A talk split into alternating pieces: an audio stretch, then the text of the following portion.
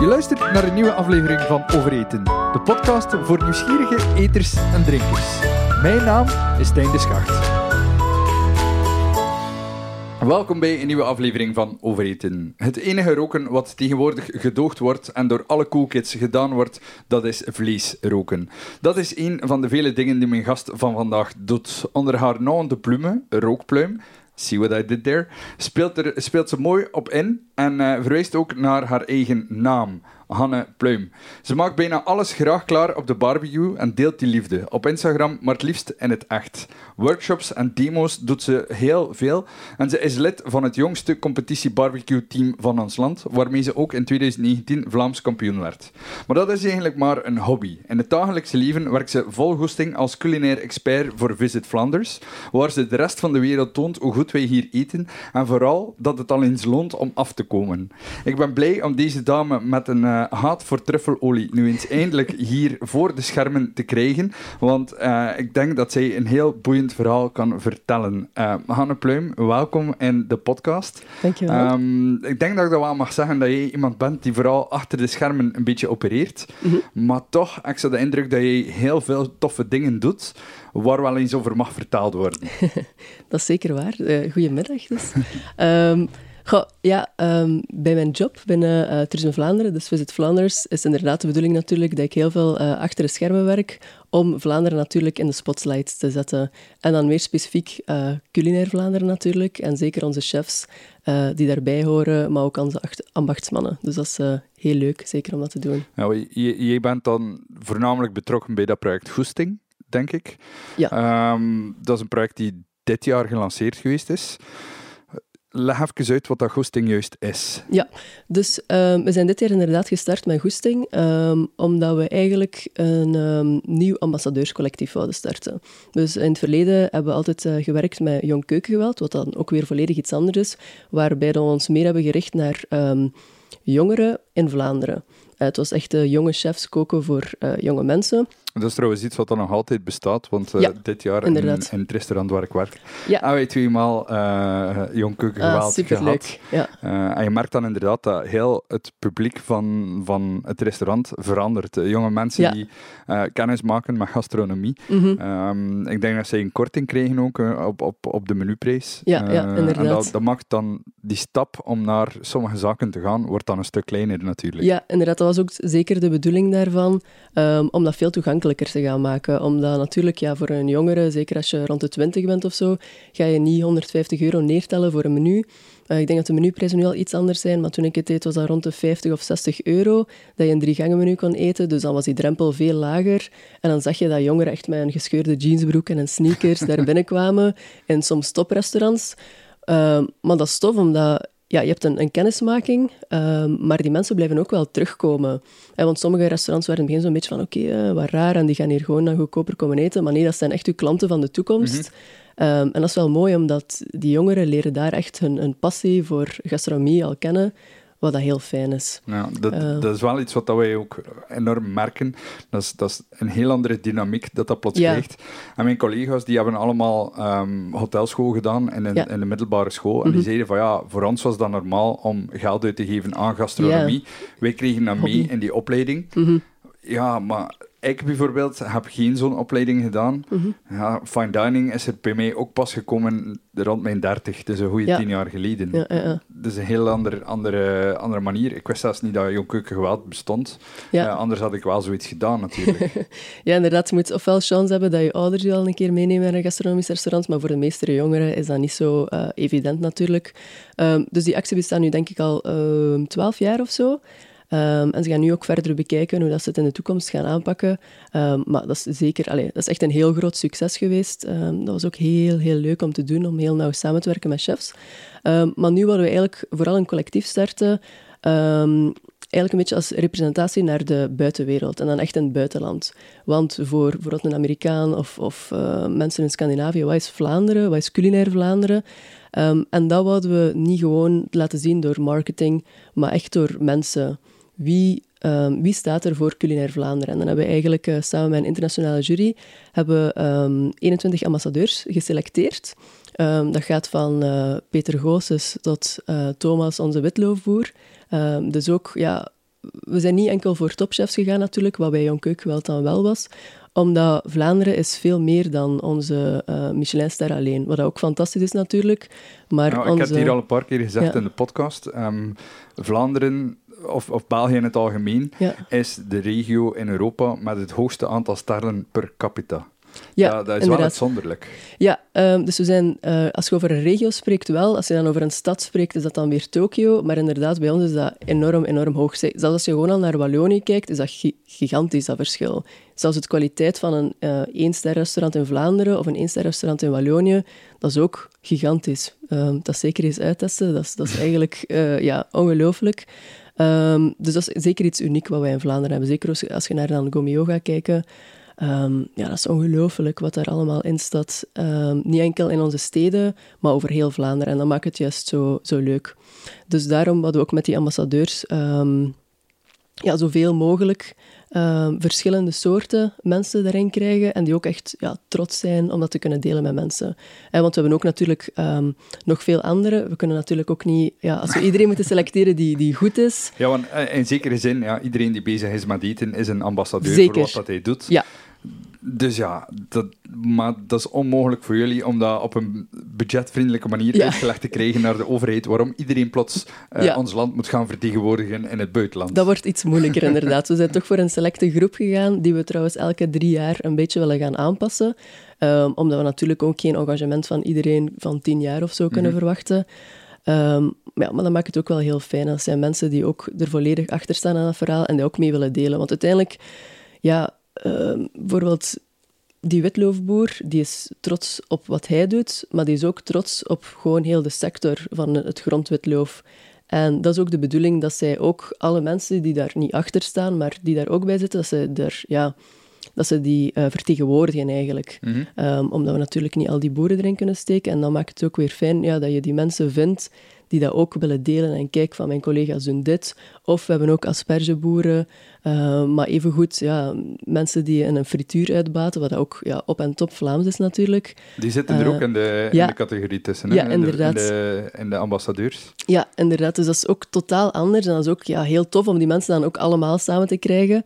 Uh, want je zit dan met drie sterrenchefs en dan frituristen uh, en een patissier enzovoort. Maar dat geeft een hele leuke dynamiek ook weer dat idee, waar is dat eigenlijk ontstaan? Want ik, ik kan mij voorstellen dat jullie mhm. daar op kantoor zitten, even een, uh, een teammeeting van...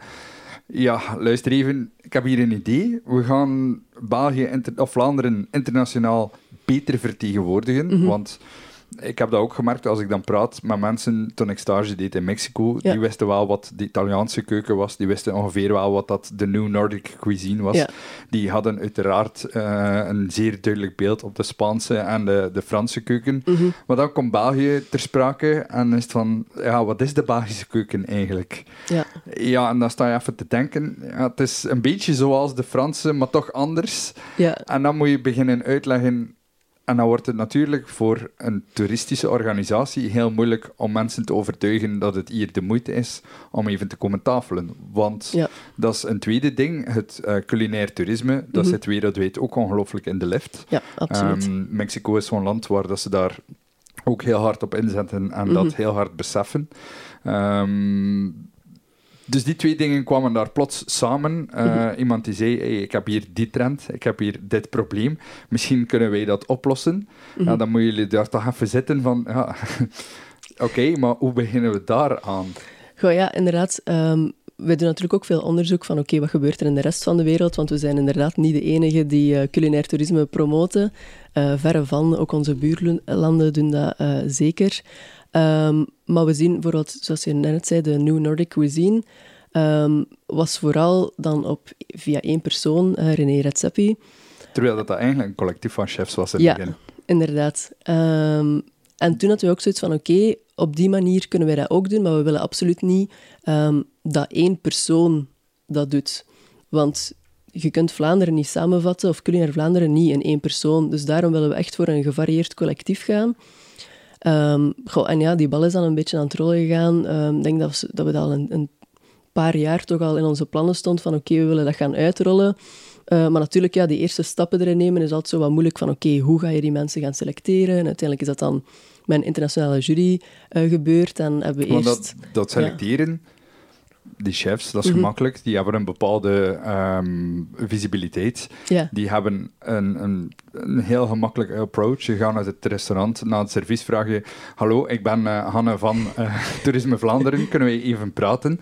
En dan maak je een afspraak voor een meeting. Vrij gemakkelijk. Um, een wetloofboer, een frituurist. Ja. Je kan niet elke frituur in Vlaanderen aflopen, bij manier van spreken. Nee, dat is uh, 20 kilo zwaarder zijn. Je kan ook niet elke boerderij in Vlaanderen gaan zoeken. Uh, sommige boerderijen die, die doen meer dan enkel wetloof. Ja. dat is al een heel andere manier van zoeken, selecteren en vinden. Ja, absoluut. Het is daarom ook dat wij um, in de beginfase hebben eigenlijk aan alle uh, steden en provincies input gevraagd en een beetje een beeld gegeven van oké, dat willen we ongeveer. Maar ook in, met partnerorganisaties zoals VLAM. Um, en ja, die kennen natuurlijk een witloofboer. En die weten ook wie dat er um, ja, heel goed kan vertellen. Want dat was ook heel belangrijk. Um, om mensen te vinden die echt ook goed een verhaal kunnen gaan overbrengen, uh, zoals een Hendrik Dierendonk of Frederik van Tricht. Ja, dat zijn mensen, denk ik, die er ook al gepasseerd zijn en echt, ja, vol met passie kunnen vertellen. En dat is een, een heel belangrijke... Dat is niet normaal. Iedere keer dat ik Frederik zie, bijvoorbeeld, ja, dan... dan of dat ik dat nu wel of niet, dan komt mhm. dat toch bij Kaas terecht. Maar, dan, maar die, die passie die uit alles druipt, dat is fenomenaal. Dat is zo leuk om, ah, om die dan te horen spreken. Inderdaad. Ja, dat is zalig. Hè? En dat is een passie die je um, eigenlijk niet kan overbrengen via gewoon marketing of, of filmpjes of, of verhalen, maar gewoon door die mensen echt bijvoorbeeld op een podium te zetten op, op Madrid Fusion. Um, ja, daar geraken mensen ook overtuigd van. En het is zo ook dat we zien dat dat internationaal een beetje ontwikkeld is. Uh, bijvoorbeeld Spanje is ook bekend geworden, geworden natuurlijk uh, door een chefs. En vaak zijn dat er maar een paar. Maar ja, dat zijn ook wel de dingen die verschil maken en die aan internationaal opvallen. En zo, via een paar personen, kan een hele regio eigenlijk ja, beginnen boomen. Die voorbeelden die je nu aanhaalt, dat is zeker een feit. Uh, Kopenhagen heeft zich ontwikkeld rond Noma. Daar is eigenlijk geen twijfel uh, aan. Maar ook in Spanje, hetgeen die uit El Bulli gestroomd is, dat heeft de rest van, uh, van, van, van Baskeland en, uh, en de andere kant rond Barcelona ook ongelooflijk beïnvloed. Um, dan merk je inderdaad dat mensen nu daar naartoe gaan voor wat dat er daar tien jaar geleden eigenlijk begonnen is. Ja, inderdaad. En dat blijft ook wel heel lang duren. Dat is echt wel opvallend dat die die chefs blijven ook heel bekend. En vanaf het er ook dan op je cv staat van dat bepaald restaurant, dan ja, blijft dat toch iets, iets heel belangrijk. En um, ja, daarom vinden we dat ook voor Vlaanderen toch wel iets dat um, ja, toch wel belangrijk is, dat die, dat die chefs en zo zelf een verhaal gaan vertellen. Dat wij dat niet voor hen gaan doen. Um, en ja, ze doen dat ook met heel veel passie en liefde, dus dat is wel, uh, wel fijn. Ik denk dat dat ook heel moeilijk wordt. Jij hebt dan misschien wel um, een chefsopleiding gehad. Mm niet iedereen binnen de toerismesector heeft dat gedaan, begrijpt dat daarom ook. Mhm. Dus dan is dat heel snel verkeerd vertaald, om het zo te zeggen. Ja, dus het is al belangrijk dat je die mensen zelf een verhaal laat doen. Ja, want dat is inderdaad zeker een grote valkuil. Allee, ik ken nu wel een, een redelijk groot deel, maar zeker ook niet alles, want ik sta helemaal niet elke dag in de keuken, verre van. Ehm, dus ja, dan heeft het geen zin dat je, dat je een verhaal van iemand anders gaat vertellen. Want we zien ook als wij samenwerken met marketingbureaus of zo, um, dat zij bijvoorbeeld een voorstel doen en er staat een scampje op in plaats van een grijze Noordzeegarnaal. Krijg je dan een hartaanval, maar ja, ergens snap ik dat ook, dat die mensen, dan, ja, die zijn daarmee bezig, maar het is wel belangrijk. Het is, het, is, vooral dat van die garnaal vind ik ook zelf zo belangrijk. We zitten hier in Oostende. Ja. Uh, we hebben nu op dit moment hier in Oostende nog vijf schepen die kustvisserij doen. Ja. Um, bijna alle garnalen die je in de winkel vindt, die worden eigenlijk uh, leeggeroofd uit de zee door uh, grote Nederlandse schepen. Inderdaad ja, ik vind het zo jammer dat wij dan onze eigen vissers niet ondersteunen, onze eigen garnalen niet gaan gebruiken.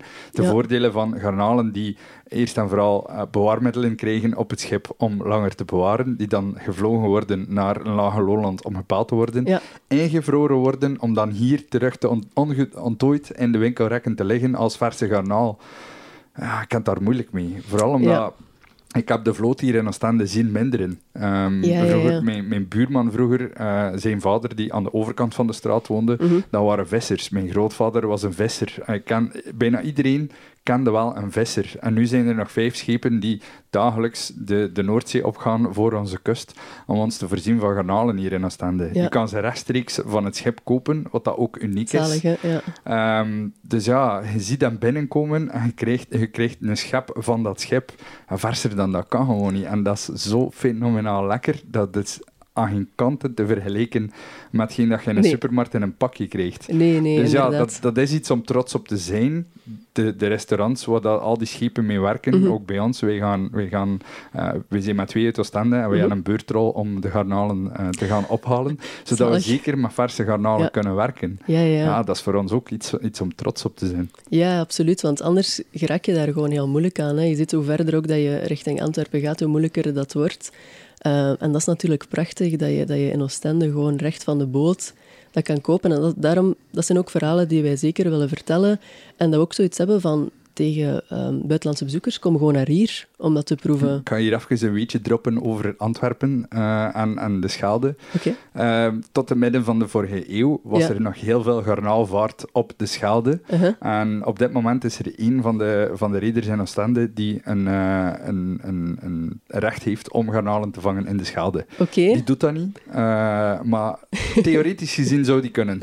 oké. En er zitten garnalen die gezond zijn? Of? Er zitten garnalen die gezond zijn in de Schelde. Ja. Al, die, al die kleine Waasland-dorpjes eh, en de, de, de dorpjes in Ah, ja, Zeeland, ja. Die waren vol vissers. Ehm, Mhm. Heel veel van die zeearmen in de Schelde zijn ondertussen al lang, lang dicht. En, eh, ik denk dat er in Boeghouten nog eh één schipje is die eigenlijk niet in Boeghouten kan liggen, maar in Terneuzen ligt, onder registratie van Boeghouten. Maar die hadden allemaal een, een visserijverleden. Die gingen de Schelde op, Mhm. die gingen ehm, garnalen vangen op de Schelde of eh, vis verder. Mhm. Dus er is wel een rijk visserijverleden in Vlaanderen, niet Ja. enkel aan onze ja, kust. ja, ja.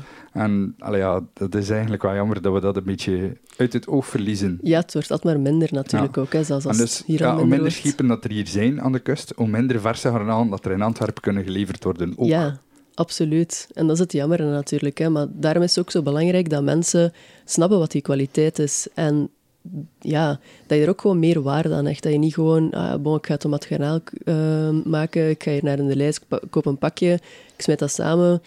Allee, in december dan ook, met zo tomaten die naar niks maken. Allee, denk ik, ja, doe dat dan misschien niet en, en ga een keer dan wel naar Oostende en koopt een kilootje garnalen, pelt die met de hand en dan steekt er ook gewoon meer tijd en meer liefde in en dan ga je er ook veel meer van genieten. Maar ik denk dat als wij onze keuken moeten samenvatten, Mhm. Heeft Pieter Goossens het dan bij het rechte eind als hij zegt, het draait over het product. Ja, zeker, omdat ehm, dat maakt Vlaanderen uiteindelijk ook uniek. Je zegt van, er zijn zo weinig, ehm, ja, op een kleine regio heel veel eh Michelinsterren, maar dat gaat ook voor onze producenten. We hebben enorm veel producenten in Vlaanderen, en dan zeker als je naar, in West-Vlaanderen naar de boeren gaat kijken. Bij ons is lokaal echt lokaal, want Vlaanderen en België, dat is ja, een posttegel groot eh, op de wereldkaart. Eh, dat is totaal anders dan bijvoorbeeld Amerika of zo. Dat is, bij ons is alles ja, super lokaal. Op een straal van 10 kilometer kan je gewoon superveel gaan vinden. En dat is nu wel het leuke, dat mensen ook veel meer echt lokaal beginnen denken en dat effectief gaan doen. En als je met prachtige producten zit, dan kun je er ook natuurlijk prachtige dingen van maken. En dat ziet je gewoon al bij onze frieten bijvoorbeeld. Ja, we gaan dat niet zomaar met gelijk welke aardappel gaan maken. Dat moet perfect zijn. Ook al is dat maar een frituur snack. Dat is super belangrijk voor ons Ik dat dat ken, goed ken is. twee vrienden die in Mexico wonen. Ja. Eh, Kobe, die hier in de podcast geweest is, eh, Mhm. die werkt daar voor een, eh, voor een tequila-merk. En dan Bowie the Warrior, een, Uh-huh. een grafisch artiest uit, uit Gent, die is verhuisd naar Mexico om daar Uh-huh. wafels te verkopen. Die klagen alle twee over de frieten, eh, over de aardappelen in Mexico, want die kunnen daar Zal geen goede frieten mee maken. Ja. Zelf heb ik het ook meegemaakt. De aardappelen daar zijn verschrikkelijk om frieten mee te maken. Dat gaat niet. Dat heeft niet de juiste zetmeel, dat heeft niet de juiste vochtigheid. Ehm, dus er is wel een reden waarom dat eh, hier in, in, in West-Vlaanderen ook een van de grootste aardappel-exporteurs zit. Ja, Eh, omdat, eh, omdat de patatten speciaal zijn voor onze frieten. Ehm, maar dan zitten jullie in die meetings, er wordt Mhm. daarover gebrainstormd, Ja. er wordt daarover nagedacht van wie moeten wij hier allemaal hebben. Ja. Maar eerst en vooral moeten jullie op een of andere manier toch onze keuken gaan definiëren voordat je weet wie dat er daar een ambassadeur voor kan zijn. Ja, inderdaad. We hebben dat ook zo goed en zo kwaad mogelijk proberen uh, definiëren natuurlijk. We hebben ook een hele culinaire strategie uitgeschreven. Um, en in het verleden is dat sowieso ook al eens gedaan, denk een kleine tien jaar geleden. Um, en er was dan een hele tekst voor geschreven, samen met uh, minister Ben Wijts was dat toen nog. En um, die tekst ging dan als volgt van um, um, lekker eten aan elke tafel, elke toog, was toen eigenlijk een beetje de strategie van in Vlaanderen kan je overal goed eten op elke niveaus. ondertussen hebben we die al een klein beetje uh, aangepast en gaan we niet per se meer voor één tekst of zo. Maar het is vooral ja, echt weer dat gewoon dat superlokale, die kwaliteit en ook een beetje het, het, het koppige wat Vlaanderen is en ook Vlamingen gaan niet snel gaan, gaan stoeven over iets. Ze gaan gewoon iets goed maken en dan zo, ah ja, oké, dat, dat is gewoon zo. en mensen verwachten dat ook. Als ze in, in Vlaanderen, of Vlaanderen die gaan, uh, Vlamingen die gaan eten, verwachten ook goed eten, zonder dat daar veel poeha moet rond zijn. Dat moet gewoon in orde zijn. Als je steek met frietjes gaat eten, dan moet dat perfect, perfect gebakken zijn. Die frietjes moeten top zijn. Je wilt keuze tussen vier sauzen, er moet een slaatje bij, enzovoort. En dat is gewoon ja, allemaal zo normaal voor ons. Maar als je gaat kijken, in Frankrijk is dat totaal anders. In Nederland al helemaal. Um, dus dat is wel tof. Ja, Vlamingen gaan ook gewoon heel graag lang tafelen. En dat is ook wel iets dat ons uniek maakt. En van ons, voor ons is het allemaal zo vanzelfsprekend. En daarom weten wij soms niet welke kwaliteit dat we hebben. En voelen wij ons altijd zo'n beetje de underdog en denken we dat anderen het beter kunnen. Um, maar dat is eigenlijk helemaal niet zo. Uh, zeker als je dan bijvoorbeeld naar ons bier gaat kijken. Nu in andere landen is het ook heel populair en microbreweries. Uh, wat allemaal super tof is. Maar... wij doen dat al duizend jaar, hè? Inderdaad. en, en, maar wij staan er niet bij stil. En we, gewoon zoiets, wij doen gewoon verder en wij maken kwaliteit. Um, en dat is ook wel leuk, omdat ja, als, als bezoekers dan naar Vlaanderen komen, zo, oh, oké, okay, wat is er hier eigenlijk gaande? Um, dus ja, wij proberen dat ook dan te gaan promoten, maar ook niet op een pusherige manier. Mm -hmm. Het, moet, ja, het moet gewoon een beetje Vlaams blijven ook. En gewoon, ja, kijk, we hebben dit. En kom eens proeven en laat weten wat je ervan denkt. Ja, want je hebt dan die definitie gemaakt, dan pas kun je ook gaan kijken wie dat er eigenlijk past als ambassadeur. En dan, dan ga je kijken naar die verschillende lagen. Mhm. Van, van uh, wetloofproducent tot drie-sterrenchef. Ja. Um, zoals ik al zei eerder, die chefs die zijn dan misschien wel het makkelijkste te bereiken. Ja. Um, die worden af en toe gevraagd voor allerlei dingen. Uh, dat is hun niet onbekend. Dat mm gebeurt al heel lang. Dat chefs als ambassadeur gevraagd worden voor, voor uh, het een en het ander. Mm -hmm. Die boeren en die frituurist en anderen in het, uh, in het segment, ja. dan moet je daar wel die eerste gesprekken gaan aanknopen. Ja, ja inderdaad. Die moeten dan toch ook even kijken van hoe bedoel je? Ja. Wat kom jij hier doen? Oh, wel, inderdaad, omdat bij chefs inderdaad gemakkelijker, omdat die sowieso al meer bijvoorbeeld in de media komen en zo. En dat wij ook vroeger uiteraard al veel met chefs hebben samengewerkt. Bijvoorbeeld uh, Gert de Mangeleer is ook al ambassadeur geweest uh, van ons. Peter Goossens werken we uiteraard ook al jaren mee samen. Dus voor hen is dat zo, ah ja, oké, okay, goed, doen we. Um, ook, maar... ook ja, andere organisaties die komen aan hun, uh, aan een mouw ja. trekken. Het is, niet, ja, tuurlijk, allee, het is echt ja, ja, geen nieuwtje meer dat nee, mensen nee, met een bepaalde, bepaalde kwaliteit gevraagd worden om kwaliteit te gaan promoten. Absoluut. Maar dan inderdaad voor um, ja, sommige anderen, zeker ook met frituuristen, zo, huh, oké, okay. ah, serieus, mag ik dat dan doen? En dat is ook wel leuk, dat die dan ook vereerd zijn, maar dan ook wel redelijk snel mee zijn wat onze bedoeling is. Van kijk, we willen een verhaal gaan overbrengen en we willen aan mensen laten weten dat Vlaanderen de place to be is om, om te komen eten. Um, en ja, via uw verhaal en uw passie kan, ja, kan je dan mensen gaan overtuigen, onrechtstreeks natuurlijk. Hè. Um, en goh, op zich ging dat ook wel vlot, omdat we hadden dan via partners dan allemaal namen doorgekregen en een keer gaan praten met mensen. Um, en dat ging eigenlijk ja, nog gemakkelijk of zo, omdat iedereen zo mee was van, oh right, oké, okay, dat is kei tof. En zo toch die trots vinden van, ah, tju, ja, oké, okay, kei goed, we gaan dat doen, zonder ook echt te weten wat gaan we doen. Want ja, wij kunnen dat ook niet helemaal voorspellen. Mm -hmm. Oké, okay, wij doen uh, bijvoorbeeld persreizen enzovoort, wanneer, waarbij de journalisten uh, komen. Maar ik kan niet zeggen, over drie jaar uh, gaan wij die actie doen in dat land. Ja, ik weet dat niet. Dat, dat gaan we zien. Mm -hmm. Dat zijn acties die erbij komen. Um, opportuniteiten door in het jaar. Dus dat is denk ik voor sommigen best wel spannend om daar ja tegen te zeggen. Um, maar uiteindelijk ja, is ook iets zonder heel veel verplichtingen. Uiteraard vragen wij hen voor elk, um, elke actie apart van oké, okay, je daar zin in? Ehm, wie is ervoor geïnteresseerd? Ik kan me ook voorstellen dat je ook kijkt naar wat voor soort evenement dat er, dat er Tuurlijk. gaande is. Ik bedoel, Ja, als je een chocoladebeurs hebt ergens in, eh, in, in eh, een of ander land, dan is het misschien moeilijk om een frituurist mee te sturen. ja inderdaad. het Eh. moet ook een beetje relevant zijn natuurlijk. En zo ook, ja, naar super gastronomische beurzen ga je ook eerder topchefs gaan sturen dan ook bijvoorbeeld de frituurist, die dan wel super interessant is voor een groter publiek. Ehm, bijvoorbeeld, het is totaal anders, maar ehm, een boekenbeurs waar wij een, ehm, een samenwerking mee hebben dan in, in Leipzig, dat kan dan wel interessant zijn, want ja, wie lust er geen frietje en heeft dan zoiets van, ah ja, oké, het is van Vlaanderen, is wel misschien een keer leuk om daar naartoe te gaan. Allee, het zijn zo die kleine dingen, ehm, gewoon doordat je dingen gaat proeven, dat betekent niet dat je daarom zegt, bon, volgende week boek ik een reis naar Vlaanderen. Zo werkt dat niet. Eh, maar het geeft zo wel een beetje awareness. Zoals dat je natuurlijk, ja, de Italiaanse keuken kent iedereen, omdat ook ja, veel in onze supermarkten eh, staat. We hebben veel Italiaanse restaurants. En ehm, voor Vlaams eten is dat iets minder. Maar laat ons, laat ons het, eh, het, het ook even erover hebben dat de Italiaanse keuken nu, Ja. zoals wij die kennen en, en waarderen en respecteren, Mhm. was twintig jaar geleden Nee. ook niet op, datzelfde niveau bekeken. Nee, nee, absoluut niet. Dus ik denk sowieso, omdat de waardering voor eten in het algemeen natuurlijk enorm is gegroeid op, eh, op 20 jaar tijd. Eh, maar we hebben natuurlijk ook veel meer kennis gewoon ook, hè, door het, het online alles te kunnen opzoeken en de respect en die waardering dat ze dan ook afdwingen, wat ook weer ja, totaal anders is dan bij ons, maar ook wel ja, heel interessant om te zien ehm, hoe dat zij dat doen. En ook absurd hoeveel super kleine specialiteiten dat wij uit Italië kennen. Ehm, terwijl dat sommige mensen nog niet eens weten hoe dat onze grondwitloof geteeld wordt, ehm, kennen ze dan wel mega specifieke kazen eh, uit Italië. En dat is wel gek eigenlijk. Dat is, dat is inderdaad heel raar soms. Dat, dat is iets wat ik, eh, wat ik laatst ook eh, had. Dat was toen ehm, de Belgian Smaak podcast hier eh, bij mij zat. Dan eh, zei. Brandon van, ja maar ja, er is een probleem met de Gerard Perse mattetaarten. En ik zei van, ja, mattetaarten. Wat zijn die matten eigenlijk? Ja, En dan, dan denk je van, dat is eigenlijk niet zo ver. Dan, Mhm. dan heb ik hier achter jou een boekenkast vol eh, Mexicaanse kookboeken. en ken ik die keuken redelijk goed. uh-huh. En dan denk ik van, dat is eigenlijk niet zo ver van hier.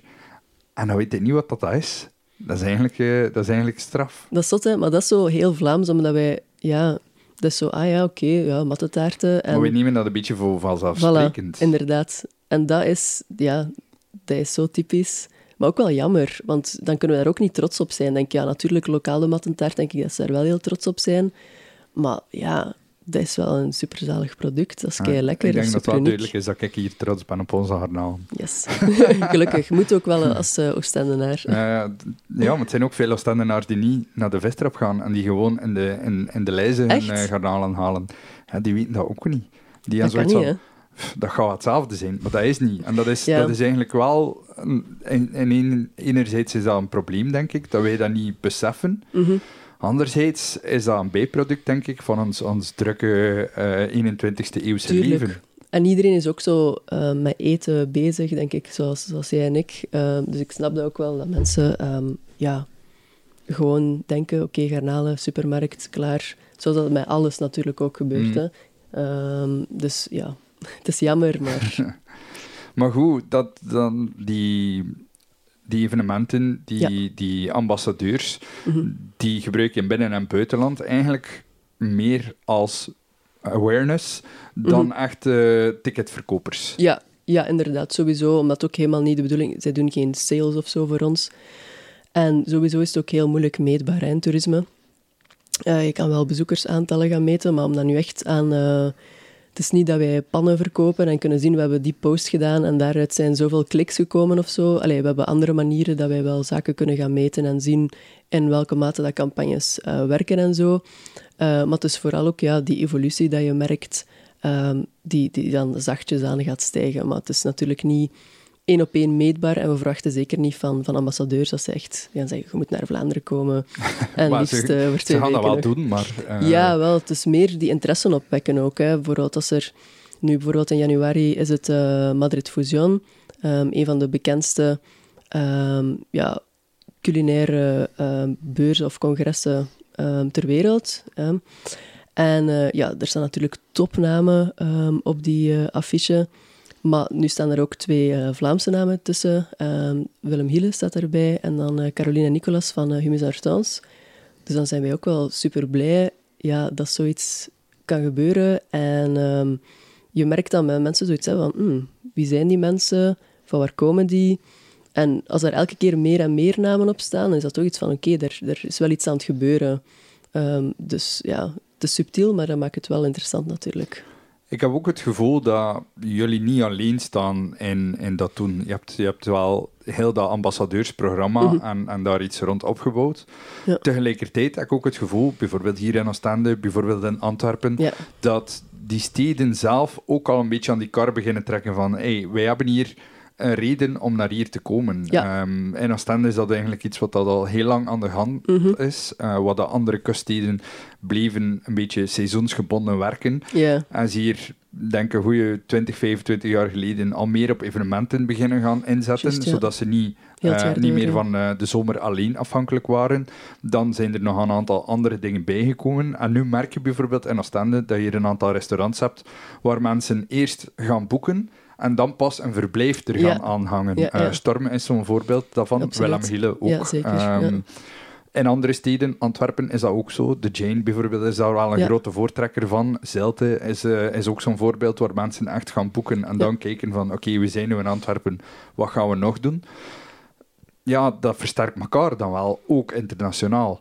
Ja, ja, absoluut. Het is ook zo, we zijn er natuurlijk al uh, lang mee bezig. Alleen mijn collega's voor mij dan natuurlijk, uh, want ik werk er nog niet zo verschrikkelijk lang. Um, maar je ziet ook, doordat wij natuurlijk een culinaire strategie ontwikkelen, dat heel veel steden ook zoiets hebben van oké, inderdaad, dat is ook wel interessant voor ons. Wij kunnen daar wel op inpikken en wij gaan daar dan iets specifiek gaan uitnemen, want dat is voor ons belangrijk.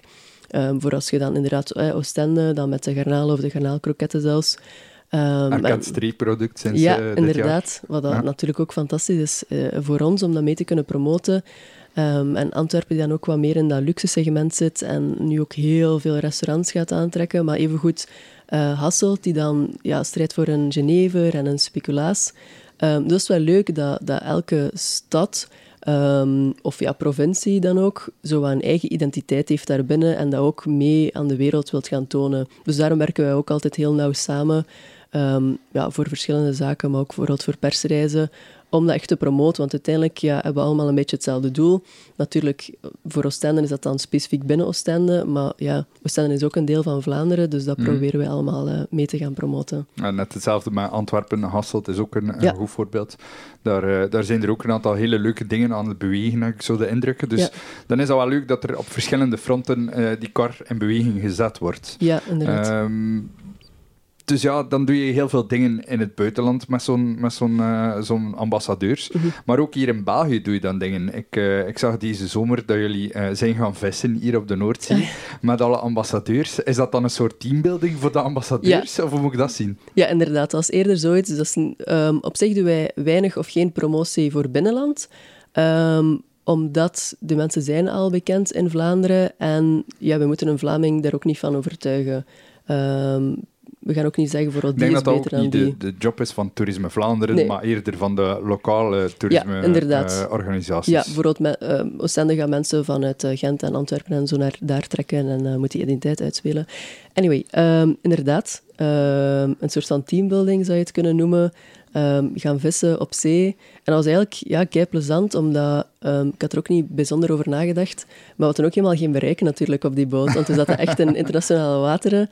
Uh, dus dat was zalig, omdat het ook al heel druk bezette mensen zijn. En je zat daar gewoon allemaal op je gemak op die boot. En dan kun je ook echt met mensen gewoon echt praten. En anders is dat zo even tussendoor een uurtje mm -hmm. of zo. Um, dus dat is wel heel fijn. Um, en we proberen natuurlijk ook altijd aan iets culinair te gaan linken. Dan s'avonds zijn we iets gaan eten. Um, en dan de volgende dag natuurlijk moeten er ook nog serieuze dingen gebeuren. Een vergadering om het uh, volgende jaar uh, ja, te gaan bekijken van oké, wat kunnen we doen? Wat zijn onze ideeën? Wat zijn jullie ideeën? Um, dus dan maakt het wel leuk om die echt uh, te gaan samenbrengen. Want dat is echt een samenwerking. Dat is niet gewoon van uh, wij hebben hier iets voor jullie. Mm -hmm. Die geven ook input om dat ja. een stuk te gaan sturen. Ja, dat is wel de bedoeling inderdaad. Omdat wij vinden ook niet dat wij als overheid ja, zo'n dingen zouden moeten beslissen allemaal. Het zijn vooral ook hun ideeën. Zij kennen de sector, zij hebben een gigantisch netwerk. Uh, wij kunnen ook helemaal niet iedereen of alles kennen. Dus het is net hun informatie en expertise dat voor ons ook kei interessant is. Zij kennen veel meer evenementen dan ons. Of, of zeggen van, ah, maar dat is echt een interessante persoon, misschien moeten we daar iets mee samen doen. Ehm, dus ja, dat maakt echt wel een, een wisselwerking. Ja, want dat lijkt me wel straf, want eh, in zekere zin gaat het om toerisme, gaat het om mensen geïnteresseerd krijgen in Mm. wat dat er hier gebeurt. Ja. Als jouw ambassadeurs al weten waar dat, dat allemaal plaatsvindt, wat is jouw rol dan, dan nog in? Want dan doe je eigenlijk een beetje wat zij zeggen. Nee, goh, dan nu ook weer niet. Allee, wat wij vooral doen, maar dan in samenwerking met al mijn collega's, want we hebben ook buitenlandkantoren. Ehm, bijvoorbeeld een kantoor dat dan de representatie in Spanje doet enzovoort. Wij gaan dan kijken van oké, welke acties stellen wij voor? Welke mogelijkheden zijn er? Dan gaan we daar ambassadeurs aan gaan matchen. En zij gaan dan ook voorstellen doen. Ehm, dus ja, het is sowieso een beetje ja, een wisselwerking ehm, om te beginnen. Maar dan moeten die acties natuurlijk ook nog uitgevoerd worden. Bijvoorbeeld, ah, oké, ehm, er zijn ambassadeurs die zeggen, ik wil een persreis doen. Oké, goed, maar ja, er komt natuurlijk heel veel werk bij kijken. Ehm, sowieso, je moet al journalisten vinden die willen komen. Die moeten hier geraken. Er moet een programma uitgestippeld worden dat ook realistisch is. Want ja, je moet overal op tijd kunnen geraken. Mensen mogen niet te veel doen, maar ook niet te weinig. Ja, want eh, s s'morgens het uh, Genever Museum in Hasselt Ja. en smiddags garnaalkruien in eh Oostuinkerken. Moeilijk. Dat is misschien moeilijk. Inderdaad. Dus je wilt altijd een beetje ja, een, een gebalanceerd programma, maar er ook de juiste journalisten aan koppelen, die daar ook geïnteresseerd voor gaan zijn en die daar dan ook over willen schrijven.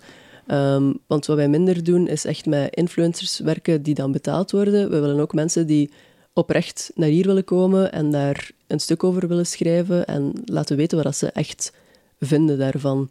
Dus het is zo een beetje die balans eh, zoeken en zorgen dat die mensen gewoon heel gelukkig naar huis gaan en eigenlijk ook een klein beetje mee ambassadeur worden. Mhm. En dan zo de bal eh, een beetje aan het rollen eh, houden. Ja, inderdaad. Want natuurlijk, ja, mensen lezen dan een artikel over bijvoorbeeld eh, Borie en Roeselare en denken van, "Hmm, oké, daar wordt precies wel veel over geschreven, misschien moet ik daar ook eens naartoe gaan. En inderdaad, zo gaat die bal dan aan het rollen, dus dat is wel, eh, wel heel leuk. Ja, en het, het goede natuurlijk van een organisatie als Toerisme Vlaanderen is dat je ook nooit kort op de bal hoeft te spelen. Dat je over langere termijn Ja. kan denken, waardoor dat je inderdaad dat momentum kan blijven houden. Ja. Eh, want het lijkt me wel logisch bijvoorbeeld dat het gewicht die jullie dan meebrengen, mm, samen met een bepaalde chef, Mhm. naar tal van organisaties, dat Ja. dat dan wel de doorslag kan geven om iemand daar op het podium te krijgen. Ja, inderdaad. Is ook zo'n dingen, dat is ook ja, werk van jarenlange connecties. Hè. Bijvoorbeeld, ehm, om dan weer het voorbeeld van Madrid Fusion te nemen. Mijn collega in Spanje kent daar de voorzitter van al jaren. Is er heel goed contact mee. Die wordt dan uitgenodigd in Vlaanderen voor in een race van restaurants te gaan eten. En op basis daarvan gaat hij dan mensen gaan uitkiezen. Ja, dat is niet dat zomaar gebeurt. Dus dat is ja, veel ja, connecties leggen met mensen. En zeker als je dan vanuit een overheid kunt doen, of soms, ja, het gaat soms ook over ja, deals sluiten met grote evenementen. Bijvoorbeeld in de zomer ehm, gaan we naar Copenhagen Cooking Festival, dat er elk jaar eh, doorgaat. En wij zijn dan eh, partner regio. Ehm, dus dat geeft ons ook weer veel mogelijkheden. En wij gaan die partnership dan aan Mhm. als, als Visit Flanders. Maar wij zorgen wel dan voor een plaats ehm, voor die ambassadeurs die daar kunnen staan. Ofwel bijvoorbeeld met een standje of op een podium kunnen staan. Dus dat biedt wel echt veel mogelijkheden. Als je dat alleen als, als chef moet doen, of als een groepje van chef, ja, wordt dat moeilijk natuurlijk. Mhm. Maar als overheid heb je natuurlijk wel ja, mogelijkheden. En ja, het is, het is soms niet alleen moeilijk, één, om die connecties te hebben en Ja. te houden, Mhm. maar twee, je moet ook de tijd ervoor kunnen hebben Ja, om dat te onderhouden. Want het is, het is makkelijk om één of twee keer iemand te zien en, en de volgende keer uh, goeiedag te zeggen. Ja. Maar ja, de meeste van die chefs, of zelfs de, de, de boer, die hebben een bedrijf die moet gerund worden. En dat vraagt ook tijd. Die Mhm. kunnen niet constant afwezig zijn omdat, ah ja, om, om een beetje hun restaurant te promoten, als het ware. Nee, inderdaad. En daarom proberen wij ook gewoon zoveel mogelijk alle voorbereidingen voor hen te doen.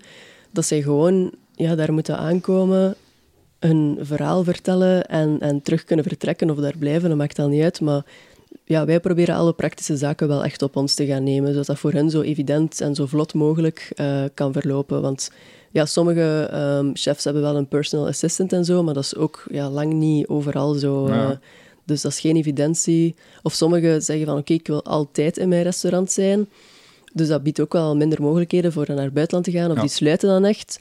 Ehm, en dat is meestal op zich geen probleem, maar dan moet het ook wel de moeite waard zijn voor hen. Ja, tuurlijk. Ehm, zij zijn ambassadeur ehm, voor Toerisme Vlaanderen, hè, voor Culinair Vlaanderen. Maar er moet natuurlijk ook wel een win-win voor hen in zitten. En dat is voor ons ook wel belangrijk, dat zij daar iets uit kunnen halen. Ja, dat is eh, niet gemakkelijk, denk ik, omdat zo...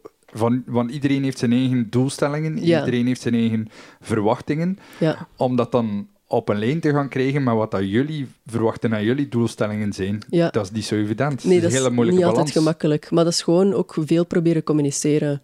En soms ook gewoon een keer een telefoon pakken en zien van oké, wat is er mogelijk? Hoe zie jij dat? Hoe zien wij dat? En ook heel veel proberen ja, schiften al als wij evenementen binnenkrijgen, dat ik al ga kijken van oké, die zou daar wel bij passen of die niet, want dat gaat niet iets voor hem of haar zijn, eh, omdat hij een totaal ander doel heeft. Dus dat is echt daar al en proberen kijken van wat is er mogelijk. En ook gewoon ja, alles echt zo goed mogelijk bespreken. Wat zijn uw verwachtingen? Ehm, en wat is er ook mogelijk? Hè? Dat we ook niet ja, mega hoge doelen stellen. Dat zij zoiets hebben van oké, ja, nee, dat wil ik helemaal niet. Ehm, dus is echt ja, communicatie. Ja. Van communicatie gesproken, eh, het heet goesting. Ja. Voor ons een heel normale naam, Ja. eh, een heel normaal woord. Mhm, Eh, wij weten allemaal wat dat goesting betekent. inderdaad. Dat is misschien wel iets anders eh, om een Fransman of een Spanjaard dat woord te horen uitspreken. Ja, ja inderdaad. Ehm, hoe krijg je dat daar uitgelegd eigenlijk? Ehm, goh, we proberen dat ehm, nu ehm, met marketingcampagnes vooral te gaan uitleggen. We hebben bijvoorbeeld video's, allee, heel simpel ook opgenomen, ehm, waarbij dat we mensen gaan aanspreken eh, op de grote markt en die dan goesting laten uitspreken. Uiteraard ehm Fransmannen, eh, Amerikanen enzovoort. Dus dat is ja, heel grappig ten eerste natuurlijk. Eh, maar dan ja, geraken ze ook wel geïnteresseerd in, in zo'n woord. En zo oké, maar wat betekent dat? En waarom is dat dan niet exact vertaalbaar? Dus dat maakt het zo een beetje mysterieus. En zeker ook omdat bijvoorbeeld Nederlanders ook helemaal dat woord niet gebruiken. Eh, en wat dan ook nog eens een woord is dat dubbelzinnig is. Dus dat is voor ons dan ook weer ja, net wat grappiger. En dan geeft ons wat meer mogelijkheden. Dus het is vooral voor ja, een beetje die mysterie ehm, dat we gekozen hebben. En omdat echt, ja, goesting, meer Vlaams dan dat kan het natuurlijk Mhm. niet.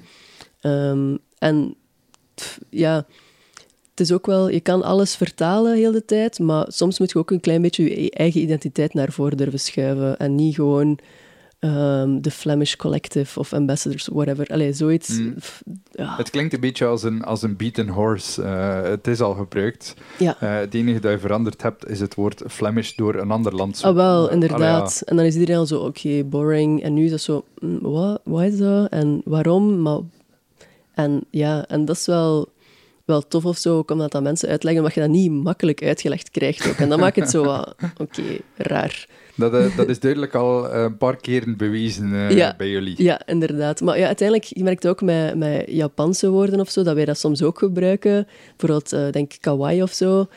Waarom gebruiken wij dat? Dat is ook... Tot, ja... maar toch komt dat tot bij ons. En dat, zijn, ja, dat maakt het zo wel uniek en dat maakt het heel ja, persoonlijk dan. Ja, en dat wordt dan eh, naar de toekomst toe wel een woord die eigenlijk sowieso gaat geassocieerd worden in het buitenland met onze streek ook, Dat zou moeten, ik. inderdaad. Dat, is inderdaad dat is de toch het doel, hè? Ja, ja, inderdaad. Dus dat je echt een woord dat echt enkel hier is en dat mensen zoiets hebben, oké. Nu, jij hebt, ehm, ik denk een, een, een week of zo geleden op jouw Instagram gepost eh, van wat een job heb ik. Je moet jezelf toch af en toe een keer in de arm knepen wat dat er daar allemaal mogelijk is. Ja, ik vind het ook echt een eh, super, super leuke job, omdat het ook heel... Het is heel gevarieerd natuurlijk. En nu zeker met dat ambassadeurscollectief, omdat er gewoon... Ja, het is iets nieuw, dus alles kan nog. En we proberen veel dingen. En ja, bijvoorbeeld dat we dan deze zomer naar Kopenhagen gaan voor een festival. Ja, dat, is, dat gaat mega zot zijn. En, en dat maakt het zo leuk, omdat je komt op heel veel plaatsen. Ik heb op die paar jaar tijd super veel mensen leren kennen dat ik tien jaar geleden had me echt niet moeten zeggen dat ik dat ging doen, dat ik het niet geloofd. Nee, schouders rubben met, eh, met een Willem Hille en Ja, een Peter Goossens ah, en noem maar op. En dat is wel zalig, omdat je, je leert die mensen gewoon ook kennen, hoe dat ze zijn, en ja, die hun passie ehm, van dichtbij dan, dan kunnen zien en horen. Ja, dat is fantastisch. En, Dat is aanstekelijk, hè? Ja, inderdaad. En daarom is het zo leuk om, om dan achter de schermen dat mee te kunnen pushen en ervoor te zorgen dat die mensen een, een podium krijgen.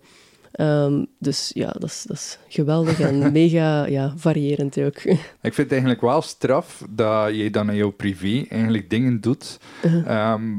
Naast, naast het werk voor, dat je Ja. doet voor Toerisme Vlaanderen, waar menig influencer ook op jaloers zou zijn. Allee, ja, jij hebt samenwerkingen met een aantal bedrijven. Jij eh, werkt eigenlijk een beetje als ambassadeur voor een aantal van die bedrijven ook, eh, voornamelijk barbecue gericht Ja. dan. Ehm, waarom is dat dat jij precies niet zo vaak op die voorgrond wil komen? Goh. maar je had ook zo een aantal dingen gedaan voor ATV, denk ik. Ehm wat dat je dan zelf zoiets had van, ja, dat is toch een beetje onwennig. Ja. Maar je doet dat dan wel super vlot. Goh, ehm, sowieso eh, is het helemaal niet mijn bedoeling om op de voorgrond te treden. Ehm, zeker vroeger zou ik dat absoluut ook niet gedaan hebben. Ehm, ik heb ook in restaurants gewerkt dat ik bijna niet tegen het andere personeel durfde spreken. Dat is hilarisch, want dan, dan, dan geef je ondertussen workshops wat dat je niet wat ja, je maar dat ik ook niet verwacht hoor. te spreken. Ja, ja, want ze hadden mij dan gevraagd om dat te doen. Ehm, en ik eerst ook zo, nee, nee, nee. dat gaan we zeker niet doen. Ook vooral omdat ik zoiets heb, ehm, ik weet niet alles. Ja, Ehm, dus daarom wou ik dat eerst niet doen, maar ze zeiden, ah, kom, ehm, volg een keer een workshop. ja gewoon voor de duidelijkheid, Ja. jij hebt een, een, een koksopleiding gedaan. Ja, inderdaad. Eh, dan heb je even in restaurants gewerkt eh, en dan, dan die andere dingen beginnen doen. Ja, ehm, ik heb als student eigenlijk vooral in restaurants gewerkt. Als laatste dan eh, Black Smoke in Antwerpen, wat dan ook barbecue gerelateerd is. En dan ben ik ja, vooral gewoon gaan verder studeren, dan eventmanagement en toerisme. En zo dan ja, via Jong Keukengeweld eigenlijk eh, bij Toerisme Vlaanderen binnengerold.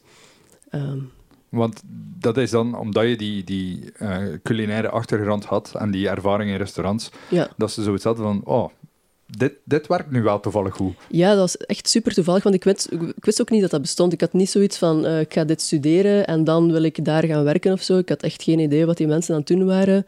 En er was dan iemand van Toerisme Vlaanderen, van het culinaire team, die een presentatie kwam geven. En die begonnen zo van, ja, eh, tegen 2030 willen wij dat eh, culinair Vlaanderen op de wereldkaart staat. En ik had zoiets, oké, Let's go. ik wil meehelpen.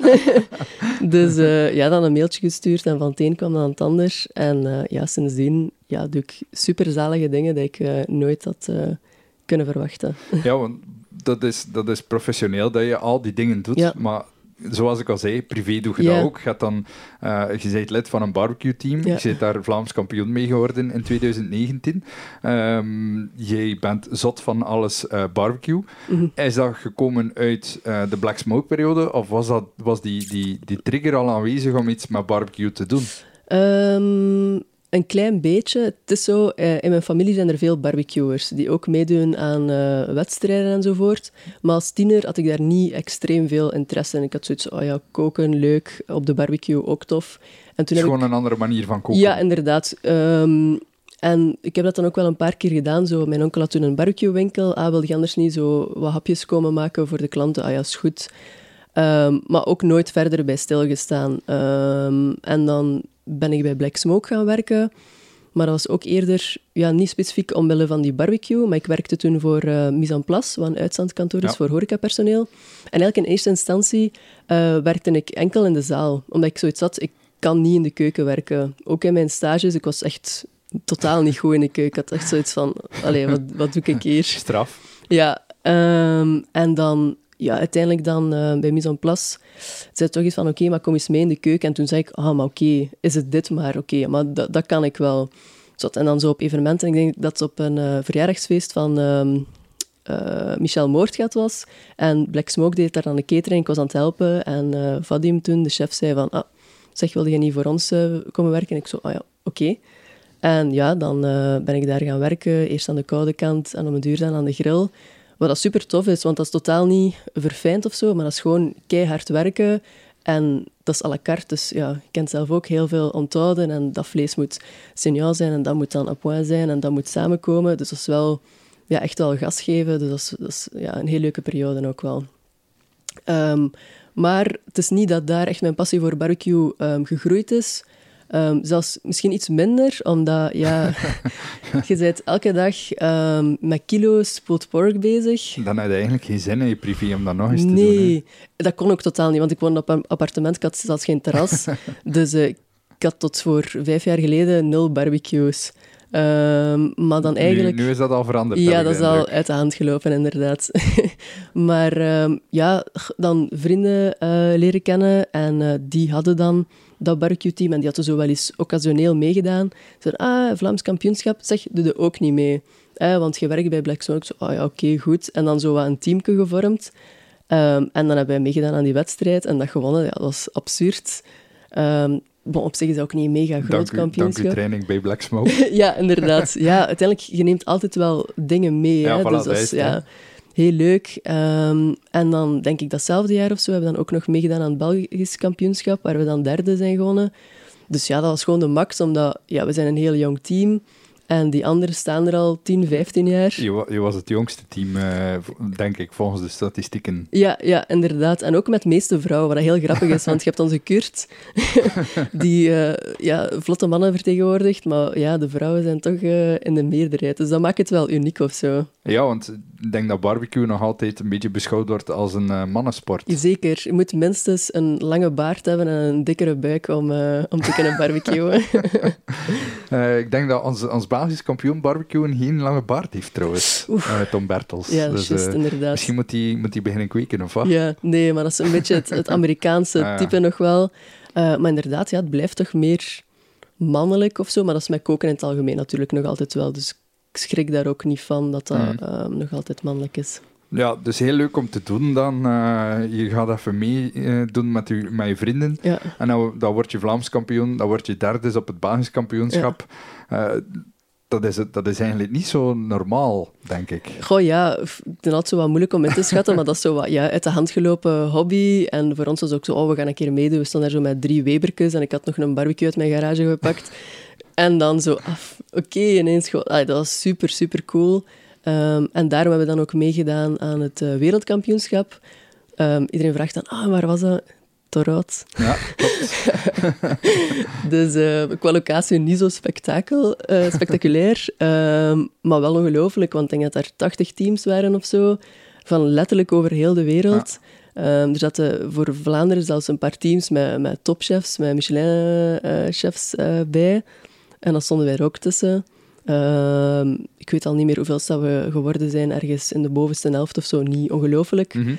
Maar we zijn ook volop voor die uh, publieksprijs gegaan, waarin dat mensen dan konden stemmen voor ons hapje. Um, en dan zijn we daarin gewonnen, dus dat was wel ja, zo'n opsteker van oké, okay, dat is wel, uh, ja, ja. wel plezant. Want zo'n barbecue-kampioenschap, mm -hmm. je gaat me wel even moeten uitleggen, hoe werkt dat juist? Is dat, je komt daartoe, je kunt niet zomaar iets beginnen doen, denk ik. Uh, nee, dat hangt er een beetje af van welk soort uh, barbecue-kampioenschap het is. De meeste die eigenlijk doorgaan, uh, is KCBS-type. En dat betekent eigenlijk heel kort samengevat dat je um, grote stukken vlees gaat garen tot in de perfectie. Bijvoorbeeld brisket, pulled pork, chicken. En dan moet je dan in zo'n hamburgerdoosje serveren met uh, peterselie. Dat zijn de wedstrijden die echt wekelijks doorgaan, maar dat doen wij niet. Ja, want dat, zijn, dat, dat, dat klinkt als de, de typisch Amerikaanse manier ja, van, van te barbecuen. low en slow, inderdaad. Uh, dus dat is een super bekende categorie om in te barbecuen. De meeste champions zijn ook omdat die daarin iets hebben begonnen. Maar een minder uh, ja, bekend soort barbecue is dan dat culinaire barbecuen. Um, ik weet niet echt waarom dat er zo weinig wedstrijden zijn, maar ik denk vooral omdat dat um, iets moeilijker is om te organiseren. Je moet natuurlijk meer voorzien dan vlees alleen. Um, gaan beslissen van oké, geven we bijvoorbeeld alle ingrediënten op voorhand prijs of moeten ze, denk met Vlaams kampioenschap denk ik dat we enkel met een paar hoofdingrediënten moesten werken per gang. Denk dat vijf gangen waren. En de rest mochten we kiezen. Ja, oké, tof. je oefent dat veel op voorhand. En dan maakt je dat daar. Um, maar bijvoorbeeld voor het wereldkampioenschap had ze dan um, gezegd van oké, dit gaat er ongeveer in uw box zitten. Um, bijvoorbeeld een sla en, en dat soort vis en, en dit en dat. En dan kun je er ook wel wat gaan oefenen, maar uiteindelijk komt je er dan aan en dan krijg je die dozen en dan is bijvoorbeeld die vis niet vers genoeg, of ze hebben er dan toch een andere vis in gestoken, of er zit dan een, een ijsbergsla in plaats van een, een kropsla. En dan is heel je plan zo al verpest op voorhand. en dan moeten zo beginnen. Maar de bedoeling is wel dat je daar altijd van nul begint. Dus je hebt je barbecues die je al dan niet zelf uh, meeneemt. Um, en dan ja, daar gewoon beginnen mise en place. Meestal mag je de dag ervoor beginnen. Um, in onze type wedstrijden mag er meestal s'nachts niet gebarbecued worden. Uh, want er zijn bijvoorbeeld wel, ja, bij zo die vleeswedstrijden slapen die wel um, bij een barbecue. Ja, als je, als je een, een brisket, die heeft al heel veel tijd Ja. nodig, Ja, 14 dan uur kun je niet anders. Nee, nee, inderdaad. Zeker Of je moet je- al heel je- confident zijn. Zeker als je weet van ja, om tien uur s morgens komt de jury daar. Ja, ja. wat kun je doen? Inderdaad. Het moet perfect zijn. En je zit er natuurlijk ook om, om ja, een, een bepaalde score te halen in die wedstrijd. Dus om je voeten eraan te vegen, dat gaat niet. Ja, je kunt je vuur ook niet laten uitgaan. Dus je hebt een pitmaster nodig die, Ja. die je vuur in gang houdt. Ja, inderdaad. Tegenwoordig Eh. is het al minder moeilijk dan vroeger. Uh, maar alleszins, wij mochten s'nachts niet barbecuen. Dus ik denk dat wij om 6, 7 uur s morgens daar begonnen zijn. En dan gewoon ja, keihard beginnen met zo'n plassen. Uh, maar het moeilijkste was ook vooral, ja, wat er dan één stand, maar we hadden dan ook vol een bak hapjes gaan verkopen. Dus dat was wel echt een zottekot, want we hadden bedacht, ah, we gaan uh, Belgian waffles doen. Uh, Op een barbecue. Ja, inderdaad. Top idee, Dat, dat, maar... Aan zich, het, voor mij klinkt dat niet raar. Ja. Want als je zo kijkt naar bijvoorbeeld ehm, de, de, de hele oude wafelijzers, ja, die legden dat gewoon in een vuur. Ah, wel, Of inderdaad. op kolen liever. Eh, Ja. Dus het is niet zo absurd als het lijkt. Nee, nee, nee, inderdaad. Want ik, ik, het is omdat ik, ik had een uh, wafelijzer nog van de Leuvense stoof van mijn uh, grootouders. Um, en ik had daar thuis al wafels op gemaakt. Oké, tof, we gaan dat doen. Um, kijk goed, maar... Eén wafelijzer. Ah, wel, toen hebben we er nog um, twee of zo bijgekocht. ook niet zoveel. Nee, drie. Anyway, maar we stonden daar met een keigrote braai, dus zo'n um, Afrikaanse braai. Uh, maar het was kei warm buiten en dat vuur moet natuurlijk heel hard gloeien voor die wafels. En die moesten ook al een minuut gebakken worden, want anders werden die hard. Dus uh, een paar van onze teamleden hebben daar uh, twee dagen... Ettelijke kilo's zweet verloren. Ja, absoluut. Vooraan, achteraan verbrand. Um, maar ja, dat was wel echt... Dat was, ja, dat wel de max. Want deeg en deeg blijven maken, want om een duur zo, oké, okay, nee... Um, je hebt dan een bepaald aantal kilo bloem gekocht, maar dan toch nog gaan bijhalen. Of bijvoorbeeld wat dan ook beenmerg uh, op de barbecue. Nog heel uh, West-Vlaanderen liggen rondbellen van wie heeft er beenmerg voor ons. Uiteindelijk heeft Carcas ons uit de nood geholpen. Dus ja, dat was wel een heel leuke wedstrijd. En je leert ook natuurlijk die andere teams kennen. Die gaan bijvoorbeeld ook van Mexico, denk ik, dat er Ja, waren en zo. Klopt. Ja. Dus dat is, ja, dat is wel de max om uh, dat een keer samen te zien. Ja, dus natuurlijk wel funny dat je dan zegt van uh, we hebben het wereldkampioenschap gespeeld in Toro. ja, inderdaad. Maar ik wil wel even, even uh, terug oppikken op die wafels, uh, Ja. om, om het bruggetje te maken naar, naar Vlaanderen. Um, ik was gisteren door de winkelstraat aan het wandelen. Uh-huh. Um, bijna elke horecazaak die een vensterraam heeft, die verkocht wafels. Mhm. Ik vind dat straf dat wij als Belgen altijd denken dat wafels geen ding zijn bij ons. Ja. Wafels zijn absoluut een ding. Ja, De Suzy-wafels die we in de speeltijd mee Inderdaad. kregen van onze ouders eh, om op de speelplaats op te eten. Ehm, de wafels die we in de winkelstraat graag eten. De Mhm. Brusselse wafels die we op restaurant gaan, eh, gaan eten. ja, Kleine gevulde wafeltjes die we in een tankstation gaan ophalen. Hoe komt dat dat wij zeggen, ah ja, maar wafels, it's not really a Belgian thing. ja, maar Dat is toch absurd? dat is zo weer, again, dat Vlaamse, zo van... Oh ja, maar dat is toch gewoon... Voor ons is dat zo normaal. Bijvoorbeeld ook gelijk de, de lukken dan, bijvoorbeeld de Jules Stroperkoekjes en zo. Dat is zo obvious voor ons, van ah ja, dat is iets. Uh, maar misschien is dat omdat wij dan bijvoorbeeld in Brussel en in Brugge die kramen zien met dan die Brusselse wafels met 300 kilo slagroom en um, M&M's of zo dat je erop mocht doen. Dat we zoiets hebben van, dat is niet van ons. Uh, maar tuurlijk, ja, wafels zit keihard in ons DNA en echt al jaren. Ik denk dat er maar één koekje is waar dat er echt Belgische ophef over geweest is. En dat was de naamsverandering van Lotus. ja, inderdaad. Dat mensen daar zoiets hadden van, hé, hey, dat is van ons. ja, inderdaad. Je mag dat niet doen. Ja, maar het is wel heel bekend natuurlijk, nog altijd. En Ja, dat is ook, ook wel weer tof. Dus ja, dat, dat, dat is misschien het enige wat ik kan denken, wat mensen wel zoiets hadden van, hé, hey, dit, dit is ja, wel ja, van ons. ja, het er toch zo wel... Terwijl dat wafels wel een ding zijn bij ons. Uh, Ja, dus dan, absoluut. dan, dan is dat ergens ook uh, op zo'n evenement een logische keuze om wafels te gaan Ah, bakken. Ja. Uh, maar hoe reageert de wereld daar dan op? Want iedereen mag daar, als, ik, als ik me niet vergis, ze, jullie moeten een, een aantal gerechten maken Mhm. voor de jury. Ja, inderdaad. Maar jullie moeten ook een aantal gerechten verkopen. Ja, dus um, ik denk dat wij vijf gangen moesten maken voor de jury. En dat is dan in drie of vier borden dat we ervan moeten maken. Goh, ik denk dat dat bijvoorbeeld met Mechelse koek ook één gerechtje was. Um, die hebben we toen opgevuld, ook met een uh, farse met champignonnen enzovoort. Um, raviolietje daarbij bij gemaakt. Maar inderdaad, dat moet dan eigenlijk Eh, elk gerecht moet binnen een bepaalde tijd, tijdspanne binnen zijn bij de jury. Bij sommige kampioenschappen is dat in de tijdspanne van een uur, soms is het echt vijf minuten. Dus je moet echt perfect op dat moment klaar zijn en dat gaan binnenbrengen en dan proeft een jury eh, daarvan. Zo gezegd, eh, het moet om twee uur binnen. Je mocht binnenbrengen van vijf voor twee tot vijf na twee. Ja, meestal spreken. is dat echt redelijk kort inderdaad. Ehm, dat iedereen een beetje gelijke kansen heeft. En dan ja, zitten daar eh, juryleden En aan ook dat, tafel. dat niemand eh, kan zeggen, ja, maar ik stond vijf minuten te wachten. Ha, ja, maar dat is vaak wel hoor, want onze borden worden aan de kant gezet. Dus de kans dat dat warm wordt opgegeten is wel klein. En dat is ook wel jammer, want ja, je weet ook zelf wat het is. Je wilt dat je eten warm wordt gegeten, want anders is die smaak ook best, weer anders, uiteraard. Dus, maar ik denk dat ze van één bordje dan met drie proeven of zo. Ehm, en die moeten dan heel de dag scores geven. Die mogen dan ook niet buiten die tent komen, want die mogen dan ons zogezegd niet zien. Maar anders weten wie dat wat zou maken enzovoort.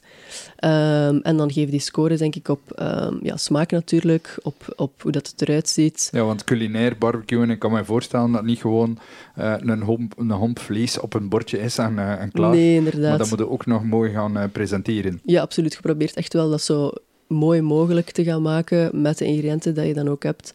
Eh, maar toch ook heel smaakvol. En er moet dan ook wel ja, die barbecue-toets eh in zitten. ehm, omdat het niet zo mag zijn dat, ja, dat even goed via van een eh, kookvuur had mogen komen. Ja, dat is dus iets wat dat je, als je dan vergelijkt met bijvoorbeeld een restaurant, Mhm. het enige wat daar dan anders is, is de warmtebron. Ja, In plaats van ja. een pan op een, op een gasvuur, bij manier van spreken, Mhm. is de barbecue jouw kookplaat. Ja, inderdaad. Ehm, dus dat is wel gewoon het belangrijkste. Je mag ook eh, geen thermomixen enzovoort gaan gebruiken. Eigenlijk alles wat dat warmte genereert, dat niet eh, ja, een, een, een gewoon vuur is van, van houtskool of pellets of zo, ehm, dat mag dan ook totaal niet. Dus dat maakt het wel uitdagend, maar ook wel leuk, omdat je een totaal ander eh, smaakprofiel daarin in krijgt.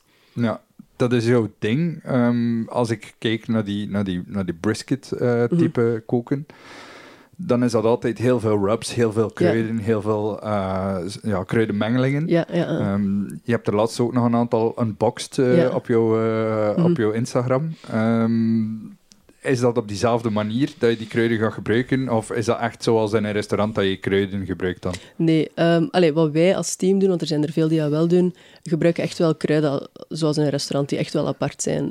Inderdaad, ik krijg regelmatig barbecue ribs, wat dat bijvoorbeeld een keer tof is voor ehm, op kip of zo. Maar ik gebruik dat eigenlijk niet superveel, tenzij dat echt specifiek ergens toe bijdraagt, omdat ik sowieso wel gewoon wil weten welke kruiden dat ik, er, dat ik erin ga doen. Eh, maar ik vind vaak ook dat dat ehm, de bovenhand neemt. Zeker barbecue sauzen. Ik heb er één thuis. Ik zal dat gebruiken voor mijn pulled pork. Welke barbecue saus gebruik je? Ik denk dat het een van die grill guru is.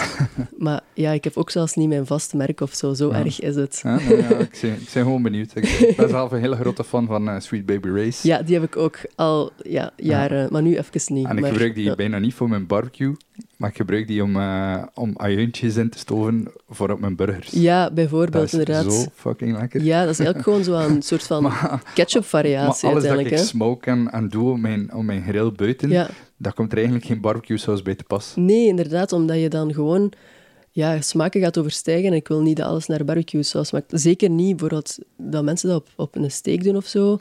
Ik snap het niet. Allee, ja, dat heeft niet meer nodig dan peper en zout. Uiteindelijk, Ja. je wilt je, je vlees proeven.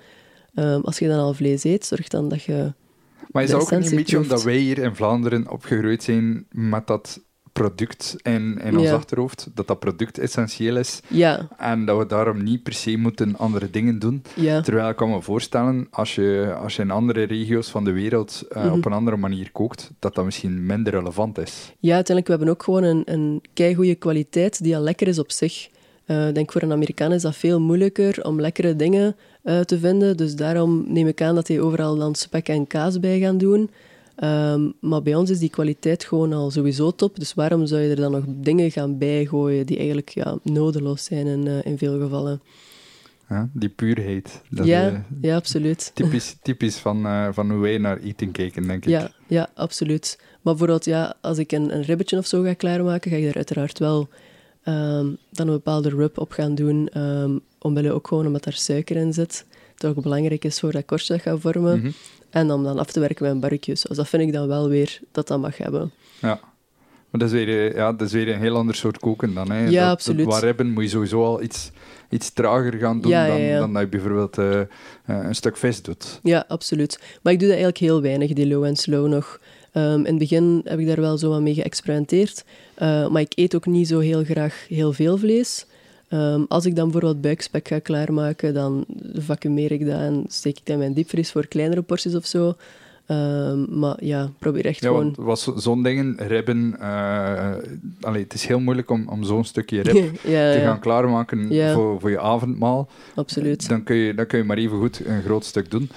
Eh, Mhm. is, porkbelly kun je natuurlijk makkelijk in je, in je vriezer steken. Ribben wordt dan alweer iets moeilijker. Laat staan dat je een brisket eh, gaat invriezen om dan achteraf opnieuw op te warmen. Ja, inderdaad. Dat zijn wel moeilijke stukken, denk ik. Ja, wel, op zich, het kan technisch gezien wel met een brisket, maar je hebt natuurlijk die perfectie natuurlijk niet meer dat je naar streeft. Dus ermee, ja, ik maak het niet, want ik vind het tof voor zo één schelletje brisket eh, te eten, maar dat is ook zo intens van smaak. Eh, ik zou me niet kunnen voorstellen dat ik daar meer... Dan maak ik liever van datzelfde stuk... Zo'n volledige lap is echt Ja. niet te doen. Hè. Dat ja, is ook veel 4, vet. 5 kilo. Eh, Ja. allee, Heel veel vrienden uitnodigen, kan ook Dat- altijd. dat kan. Er zit niemand mee in, maar eh, ja, het is gewoon minder mijn ding. Dan maak ik liever een pastrami, dat je dan als charcuterie kunt klaarmaken en af en toe een paar fijne schelletjes van kunt snijden. Ja, dat is duizend keer zaliger. Allee, vind ik zelf natuurlijk. Ja. Je hebt ondertussen ook zo een collectie van verschillende barbecues opgebouwd, eh, als ik dat zo eh, mag zeggen. Mhm. Ehm, is dat dan omdat je begint met één en denkt van, ah, ik zou nu toch iets, iets, iets meer moeten kunnen spelen ermee. En dan Ja. ga je een volgende zoeken en dan komt nog iets anders op je pad van, ah, dat kun je nog anders gaan, gaan doen. Ja. Ehm, is er eigenlijk een, een, een tip dat je kan geven van als je begint met barbecuen, Mhm. waar dat je op moet letten? Goh, ik denk dat het vooral belangrijk is wat je uiteindelijk wilt klaarmaken. Als je toch zegt van ik wil echt enkel worsten eh, gaan grillen, ehm, koopt u dan bijvoorbeeld iets, eh, een kettle barbecue, ik zal er een merk bij noemen, Weber bijvoorbeeld, omdat dat duidelijker is. Kettle, omdat dat eruit ziet als een ketelke. Ja, inderdaad. Hè, dat is gewoon, dat is niet, Ook, niet zo eh, duur. Een, een super gekopieerd design ondertussen. Dus je kunt Ja, de tuurlijk. alternatieven ook in de Hamma en de Brico en Voilà, inderdaad.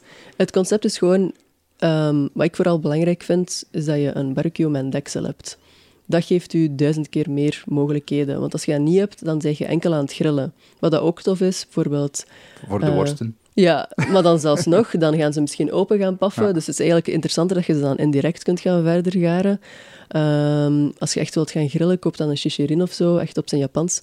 Maar ja, denk, dat is voor mij een beetje een instapmodel voor veel mensen. Maar als je zegt van, ja, ik wil dat echt heel veel gaan gebruiken, maar ik wil daar ook brood op gaan bakken, ik wil pizza's gaan klaarmaken en ik wil echt super vaak eh pulled pork of zo maken, maar dan kan je beter naar een Kamado-model gaan kijken. Ehm, dat is natuurlijk een pak duurder, Dat is duur, hè? Ja. maar ja, dus Kamado, voor mensen die dat niet weten, dat is zo de, de Big Green Egg. Ja, eh, inderdaad. is daar de bekendste van. Ja, absoluut. En ehm, het is gewoon heel makkelijk ook om mee te werken. Je moet eigenlijk niet veel kunnen om met een green egg te werken. Maar dat is echt, ja, mensen denken altijd van wow, die heeft een green egg. Maar ja, dat is niet moeilijk. Hè. Je steekt dat aan, je moet je lucht, allez, je schuifjes onderaan en bovenaan gaan afstellen. Maar die is zo goed geïsoleerd, omdat dat een keramische steen is, dat blijft gewoon op temperatuur. Dus dat is, ja, daar kun je gewoon heel makkelijk mee spelen. En dat geeft u heel veel comfort Er natuurlijk. zit ook een thermometer bovenop, Ja, ja. dus je weet ook al aan welke temperatuur je bezig zit. Ja, wat super belangrijk is Terwijl natuurlijk. in, in mijn klein webertje met coaches, eh, daar Ah, zit ja. er niks van eh, thermometer. Ja, die kleintjes Dan nee, is het inderdaad. altijd een beetje zoeken van eh, hmm, waar, waar zit ik mee bezig? Ja, wel. Of je moet het gewoon al... Ja, als je natuurlijk goed kunt koken en je snapt hoe dat vuur werkt, dan heb je dat allemaal niet nodig. Hè. Dan kun je gewoon ehm, een put graven, daar vuur maken, een rooster boven leggen. Daar kun je ook heel veel mee doen. Maar Dat, eh, voor, voor, voor meer informatie daarover, dan verwijs ik iedereen graag naar de podcast dat ik gedaan heb met Dominic Persoon en ja, Tom de Grote. voilà. Ja, inderdaad. Eh, die en daar stoten mee uitgehaald Ja. in een, eh, in een tv-programma op Njam. voilà. Ja, dat was letterlijk vuur op de grond en gaan. Hè. En dat is de max, hè. maar je moet dat kunnen. Hè. Je moet snappen van waar dat die warmte komt. En als je een stuk vlees dan niet boven de kolen legt, waar ga je het dan wel leggen? Of ga je Ja. dat ophangen? Je moet mogen ook, want ik, ik denk niet dat ik ga mogen hier in de tuin. Ja, dat is natuurlijk niet zo evident. Ik ben het wel eens van plan om echt een put te gaan graven, ehm, er vuurstenen ook eh, in te zetten en dan eh, ja, echt eh, die pitcooking te gaan doen. Barbacoa, ik kom af, hè. Ja, oké, dat is goed. Dat, eh, ik kom af. Echt, ja, eh, maar, ah, wel, maar dat lijkt me echt een max. Ehm, ook om daar gewoon zot veel groenten en dan bijvoorbeeld een lamsbout. Of wat ik laatst heb gegeten, ehm, was ergens en dat de, ehm, ook geit ondergronds klaargemaakt. Dat is ongelooflijk lekker. Dat was ik had dat totaal niet verwacht. Dacht, ja, dat gaat degoutant zijn, want wie eet er nu geiten? Top. eh, heel veel mensen ter wereld eten geit. Ja, Ehm, maar in Vlaanderen, not so much. Ja, nee, dat klopt. Eh, Dat Dominique natuurlijk eh, en Tom wel in het programma. Ehm, Eh, op een heel speciale ja, manier. heel apart inderdaad. Ehm, maar dat was verrassend lekker. En dat is, zo, dat is toch graaf dat je, je steekt dat morgens in een put en dat komt eruit en dat is gewoon ja, één groot feest. Mhm. Dat is prachtig. En puur ook gewoon. Hè. Ja, absoluut, absoluut. Dat is leuk. Dat is, eh, dat is wat ik ook altijd leuk vind. Als je, als je Mexico rondloopt, de, de Ja. zondag in, eh, in Mexico City, dan zie je overal standjes staan waar mensen met barbacoa staan. Oh, Waar ze ook een, eh, een, een geit in de grond gestoken Ja. hebben, s'nachts. En dan 's morgens komen ze die verkopen met de, met de, de, de consommé erbij, het vocht. oh, zalig, ja. En daar zitten dan nog wat, wat kikkererwten bij, wat groentjes Mm, mm, mm. die ze ermee ingestoken hebben voor smaak. Ah, dat is fenomenaal. ja, dat, Dat is echt eh, een van de beste dingen tegen je crudo, je hangover, de zondagmorgen ook. Dus dat is, eh, Ongetwijfeld. dat, is, dat is fantastisch. En dat is gewoon genieten. Dan, dan staat daar een familie op straat met grote dampende potten van die consommé en die, die barbacoa. En dat is, dat is zoals wij dat hier Ja, zeggen. ja. Dat is zo lekker. En Ja, je kunt dat nooit hetzelfde klaarmaken als je dat gewoon in een, een pot of een Dutch oven hebt klaargemaakt. Dat is nooit helemaal hetzelfde. Dus ja, Nee, dat dat maakt klopt. het wel dat, is, cool. dat, is, dat is wel leuk. Eh, maar dankzij al dat barbecuen, ehm jij had net gezegd, ik ging nog vragen van ja, hoe komt dat dat je daar zo semi-ambassadeur voor geworden bent ook? Maar de link is eigenlijk al eerder aangehaald. Dat is jouw, jouw onkel die een winkel heeft met barbecue-gerief. Ja, ondertussen al niet meer. Ehm, maar inderdaad, dat was echt het, het begin een beetje. Dus mijn ene onkel en mijn andere onkel deed dan al mee aan wedstrijden, ook echt wereldkampioenschappen. Ehm, mijn neef trouwens ondertussen ook, die vrij veel wedstrijden vindt, wint, maar dan in ehm echt de KCBS-type, dat is zijn type barbecue. Ehm, dus ja, dat zit wel in de familie. Maar het is eigenlijk echt wel door dat barbecue-team dat ik ineens zoiets had van oké, tof, hier kan ik wel iets mee. En dat lukt mij ook wel op een of andere manier. Omdat dat een type is van koken dat niet afgemeten is. Ehm, en dat ligt mij wel, want bijvoorbeeld patisserie kan ik echt niks van, maar echt... Dat is, eh, dat is inderdaad heel goed afmeten. En eh, Ja, ja, allee, als, je, als, u, als uw saus een beetje te ver is en je doet er wat water bij, dat dat weer, eh, dat dat weer wat goed komt. inderdaad. Ehm, als, je, als je niet ver genoeg zit in je saus, dan kun je soms nog wat meer smaak geven door Ja. er wat bij te doen. Ja, Eh, absoluut. dat je dan toch reduceert en, en een volle saus krijgt. ja. Daar kun je makkelijker mee spelen. Eh, Ja. is, je, is je vlees niet ver genoeg, dan kun je het nog een duwtje geven. Mhm, Maar eh je macarons, eh, die moeten wel de juiste verhoudingen hebben. redelijk. Of eh, die gaan gewoon plat zijn als je die uit de oven haalt. En dan sta je daar natuurlijk. Ja, absoluut. Ehm, Dus dat is gewoon leuk met vuur. Dat is gewoon op gevoel dat je dat ook doet. Natuurlijk, nu ehm, heb je meer en meer toestellen waar je minder op gevoel moet doen. Maar het is net leuk dat je, ja... Je speelt gewoon je met vuur, zoals, zoals van die, van die Kamado... eh, Ja, of je hebt bijvoorbeeld een Traeger, wat dan op pellets is. Ja. Doet die pellets erin, steekt dat in de pries, in en je kunt stopcontact. dat met je app controleren En je, eh, steekt, je zegt gewoon 180 graden en dat doet dat gewoon. Ja. Wat ook ehm, tof is voor, voor veel mensen, omdat dat natuurlijk heel ehm, gemakkelijk en heel stabiel is. Dus Ehm, dus- consistent natuurlijk en gaat ook een, een behoorlijk resultaat op het einde van ja, de rit. Ja, ja, absoluut. Ehm, maar goh, dat vind ik um, iets minder tof om mee te werken, omdat ik dan, ja, je wordt niet uitgedaagd. Ik vind het net leuker om dat, met dat vuur te gaan werken. Bijvoorbeeld nu werk ik heel veel met een pizza-oven uh, van Vonken. En dat is gewoon zalig, want je, ja, je steekt daar gewoon echte houtblokken in. En je temperatuur gaat alle kanten uit, maar door ja, daar veel mee te gaan spelen, kun je, daar, ja, kun je dat ook wel consistent houden. En dan maakt het wel uh, ja, veel toffer. Ik, ik kan me voorstellen dat je dan s'avonds na een, een, drukke dag uh, vissen op de Noordzee met, uh, met topchefs naar huis gaat dat je dan in jouw garage kijkt van mm, waar heb ik nu zin in? En dat je kijkt naar het type grill wat je, wat dat je staan hebt en dat je dan denkt wat dat je gaat erop doen. Is dat zo of uh, zie ik het een beetje verkeerd? Goh, dat niet per se. um, hey, tegenwoordig barbecue ook wel veel minder ook, moet ik heel eerlijk zijn. Sinds ik begonnen ben met die workshops, um, doe ik dat wel iets minder. Ehm, Ja, ik ga natuurlijk ook af op, op de foto's die je post. En Ja. iedereen weet dat dat de highlights zijn. Eh, maar allee, als, je dan, als je dan grilt, kijk je naar het type grill wat je iets mee wilt doen? Of kijk je naar een ingrediënt en dan denken van welke, Mm. welke grill dat je... Goh, meestal, nee, meestal begin ik wel met, bijvoorbeeld, ik heb daar zin om dat te maken en dan ga ik wel de juiste barbecue daarvoor selecteren. Eh, bijvoorbeeld, vroeger maakte ik pizza's op mijn eh, Kamado, wat dat ook kan. Maar ja, als je een pizza-oven hebt, ga je dat natuurlijk in die pizza-oven doen, omdat dat gewoon eh, de perfectie is dat eruit komt. Maar nu bijvoorbeeld, ehm, wat ik ook heb, is zo een, een, een rookoven, wat dan ook weer gewoon heel gemakkelijk is. Je doet daar ehm fijn rookmot in ehm, en je zet dat gewoon aan en dat begint zelf rook te genereren. Maar dat is dan weer handig, omdat ik wou een duja maken, die de spicy... Ja, worst. Ja. Inderdaad. Ehm, dus ja, waarom zou ik die dan niet gaan gebruiken? Ik kan ook een ehm, cold smoke generator gaan aansteken, handmatig. Maar ik heb dat toestel, dus waarom zou ik het niet gebruiken? En dat is wel tof, omdat je wilt iets maken en dan kiest je gewoon het exacte juiste daarvoor. Ja.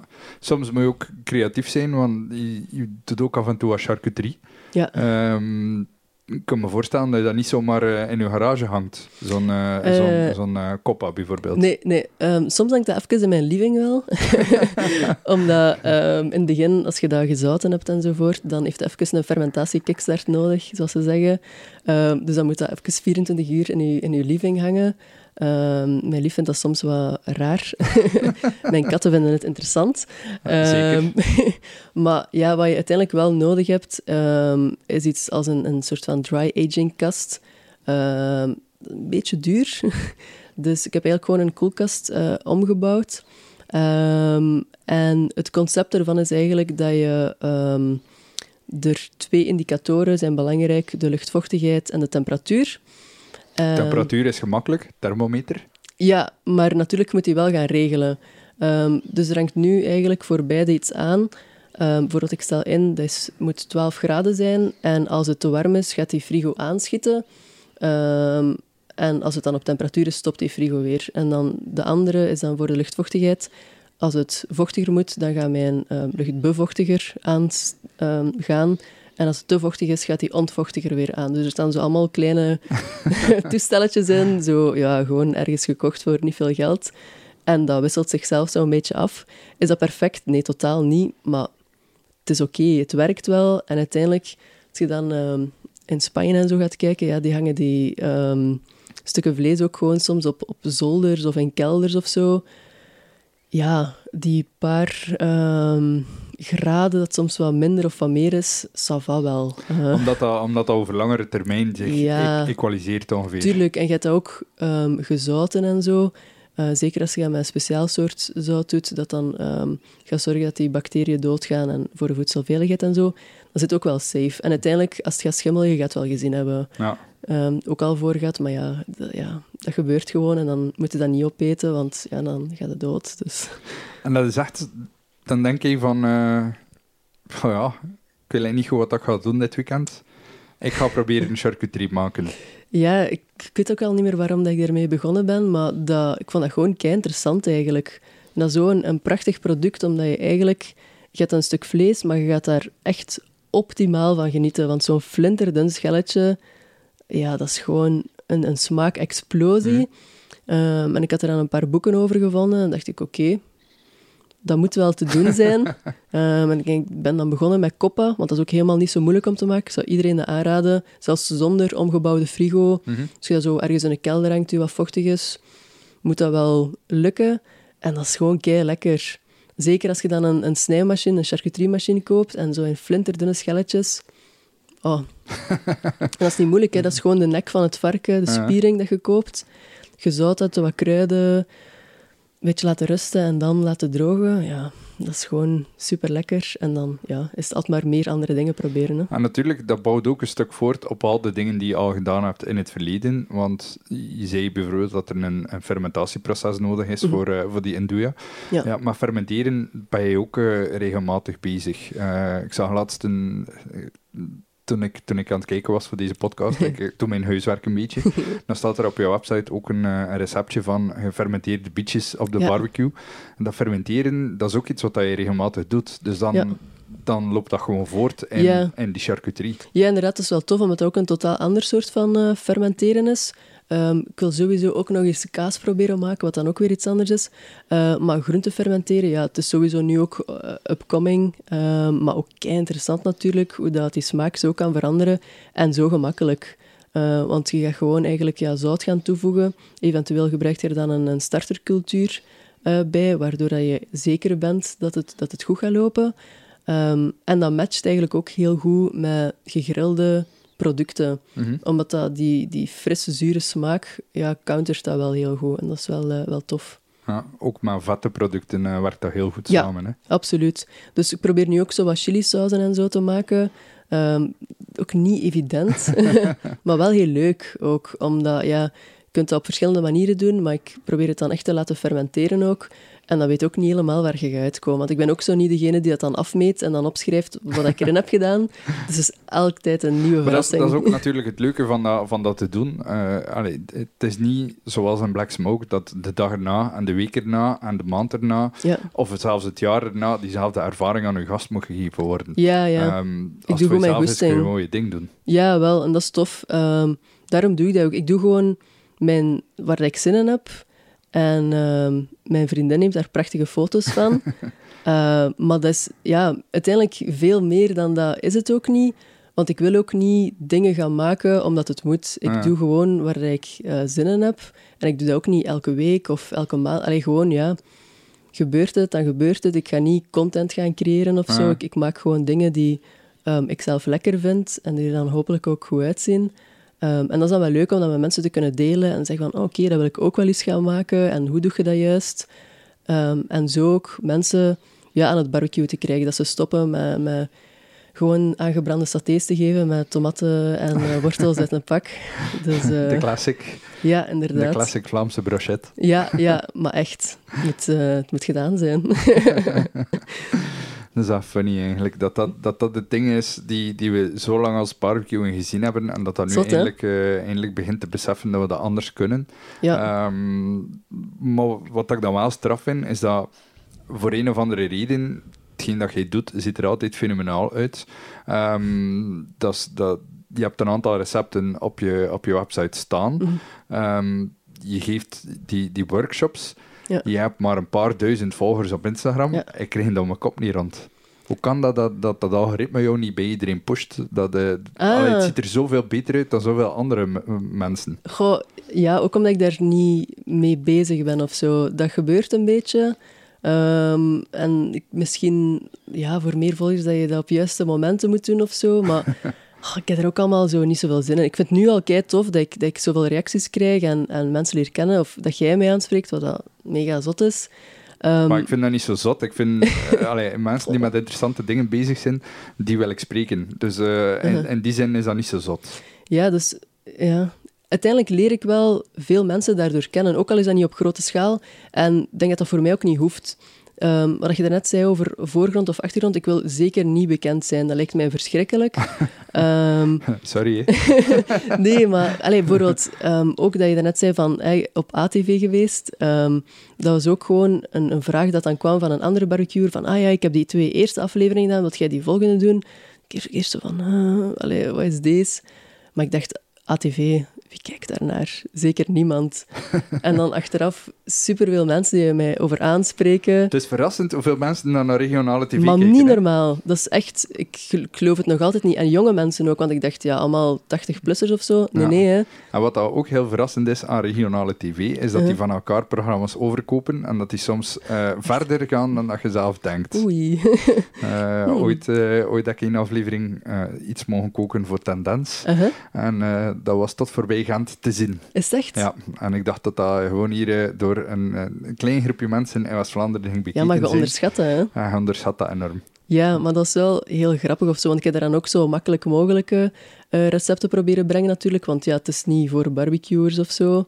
Ehm, maar dat is wel leuk dat mensen dan zo'n... Ah ja, ik kom een workshop volgen, want ik heb u op de tv gezien. Zo.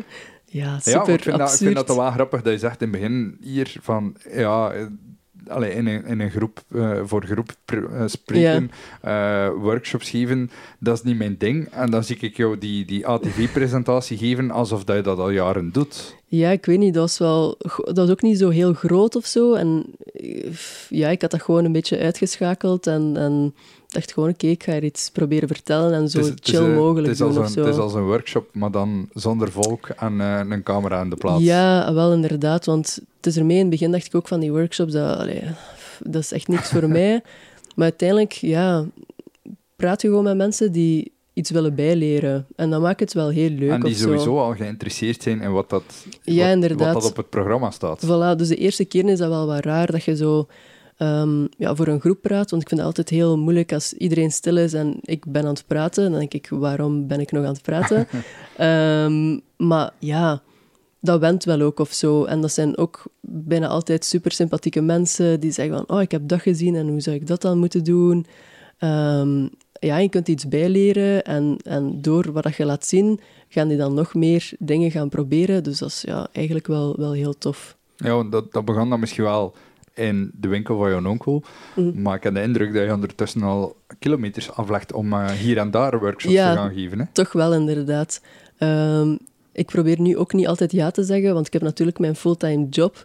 En, um, Die ik, waarschijnlijk soms meer dan fulltime is. Ja, soms, ja, wel. Soms ben ik ook gewoon in, in het weekend bezig, of ben ik in het buitenland of zo, dus dan kan ik niet ook nog eens... Uiteindelijk bijvoorbeeld een workshop, dat is ook niet gewoon aankomen en ja, iets beginnen vertellen. Je moet wel een menu voorbereiden, je moet zien dat dat binnen die tijdspanne kan, dat dat spannend genoeg is, dat dat een beetje op dat publiek is afgestemd. Mm-hmm. Uh, dus er kruipt wel veel tijd in. Dus ermee probeer ik dat een beetje in balans te houden, dat dat niet superveel is, want ik wil het ook nog leuk vinden. Het, is, uh, het blijft een hobby voor mij. Ik wil daar gewoon mijn, voor mijn plezier staan en niet zo van, oh, ik moet hier staan omdat dat mijn werk is. Vanaf dat ik zoiets heb, ik heb geen zin meer, dan ja, dan stop ik er ook ja, wel mee. Dan hoeft het niet. Dat is ook het voordeel van een hobby te zijn ja, natuurlijk. inderdaad. Ja, het is gewoon een bijberoep, dus ik kan ja, uiteindelijk kiezen wat je, wat je daarmee doet. Ja, en waar je gaat. Ja, ja inderdaad. Ja, wel, want uh, ik ben ook al eens voor een workshop, dan was in West-Vlaanderen ergens. Super tof, maar echt niet zo nice dat je dan om half twaalf s'nachts nog naar huis moet en de volgende dag beginnen werken. dus ik zoiets van, ja, weet je het hoeft ook niet. In West-Vlaanderen hebben ze vast ook wel mensen die uh, een barbecue-workshop kunnen geven. Dus dan... Tom de Grote. Eh. Ja, bijvoorbeeld. Boek hem. um, dus goh, nu doe ik het meeste eigenlijk uh, bij Pit en Nevelen, wat eigenlijk ook niet super dicht voor mij is. Maar van nog wel. Um, en het is ook gewoon ja, leuk om daar workshops um, te geven. En als je die mensen dan ook kent, gaat het ook veel vlotter. En je weet ook wat er staat. Want dat is het moeilijkste met op nieuwe locaties. Je weet niet welke buiten de toestellen, maar ook niet welke accessoires dat er voorhanden zijn. En dat kan echt heel uh, uitdagend zijn. kan je menu echt ineens veel moeilijker worden. Oh, dat, klinkt, uh, dat klinkt als een challenge. Zo van, uh, per per ding dat je uitlegt, gaan we één tool wegnemen. ja, maar echt, op, ja, dat kunnen echt banale dingen zijn. Bijvoorbeeld, ah, geen mengkommen of zo. Ja, bon, oké, okay, goed. we gaan die kom hier dan twintig keer afwassen bij. Ja. Allee, zo van die dingen, ja. Dat is ambetant werken wel. Ja, ja, wel. En als je dan weet van, oké, okay, je hebt die locatie en er is alles genoeg en ik kan op voorhand bijvoorbeeld dat of dat vragen en je zit safe, dat is wel uh, een beetje gemakkelijker. Ja. dus, als, als mensen uh, zo'n workshop willen volgen bij jou, ja. waar kunnen die daar, daarvoor terecht? Ja, um, Pit uh, waarschijnlijk. Ja. Die gaan dat wel aankondigen. Maar... Ook. Maar ik zet ook wel op onze eigen website. Um, die website is samen met mijn vriendin Many Headed Studio. Uh, en dan, daaronder zit dan uh, Rookpluim.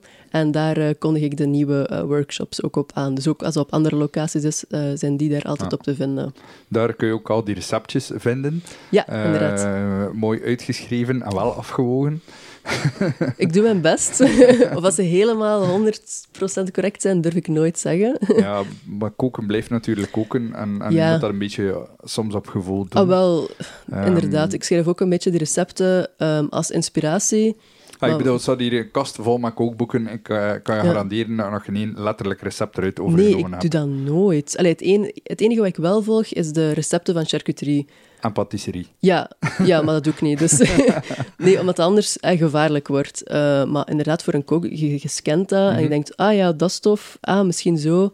Maar inderdaad, zoek je dat super perfect. Nee, dat is gewoon ja, inspiratie bieden. De, een beetje dat vingerspitsengevoel, om een ja. mooi Duits woord te gebruiken ja, daarvoor. Ja, absoluut, inderdaad. Dat is, uh, inspireren gewoon. Alright, super. Ik kan alleszins altijd goesting om uh, ermee aan de slag te gaan als ik uh, dingen zie op jouw Instagram. Okay. Zeker een aanrader. at rookpluim underscore. um, ik heb nog een proevertje bij trouwens voor jou. Ah, ik ging dat zeggen. dat, is, dat is even het formele dat we hier, hier moeten afsluiten. Dat we, dat we zeker dat hebben. Maar dat was dan de volgende stap. Jij hebt hier nog twee dingen mee voor ja. mij.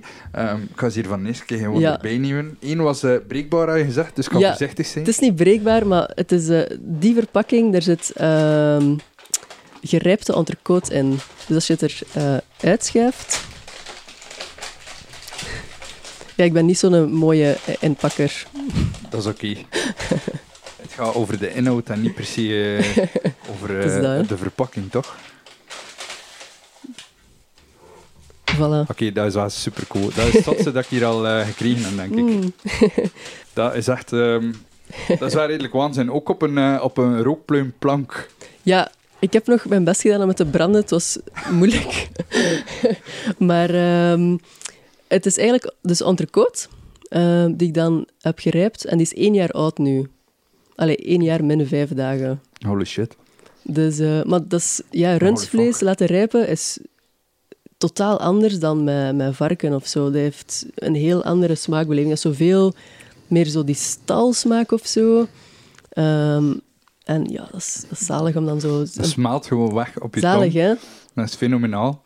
Dat gaat ook een beetje richting een, een, een gerijpte kaas, maar niet op ja. een negatieve manier. Ja. Zo echt zo heel Ja. subtiel, fluweel, zacht, Ja, ja. vol. Oh, fuck, dat is lekker.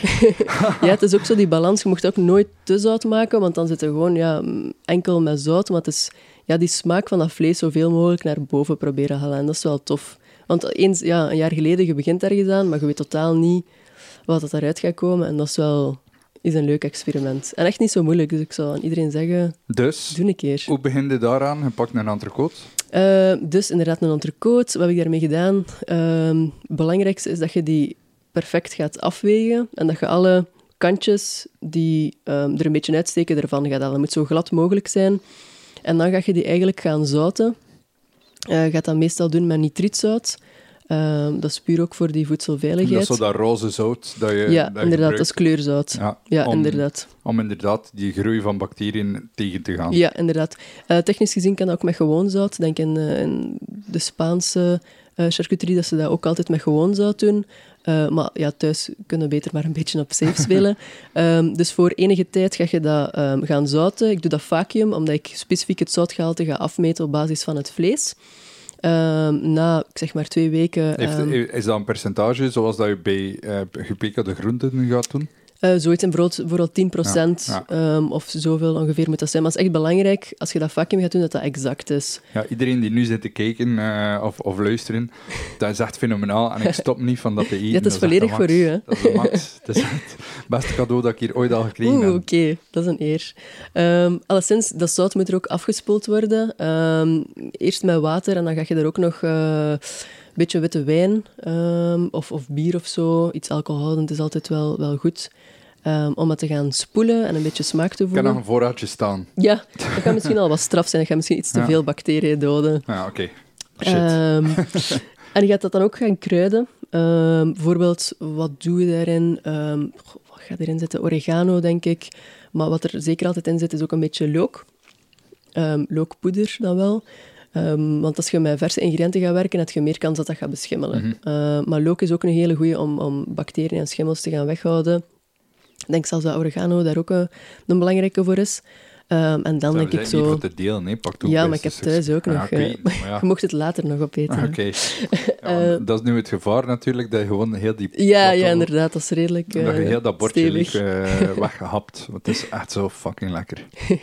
Maar Waanzin. alleszins, je gaat het dan eh, kruiden. En ook dat spoelen met die, met die witte wijn en zo is ook belangrijk, omdat je dan die fermentatie in gang kunt gaan steken.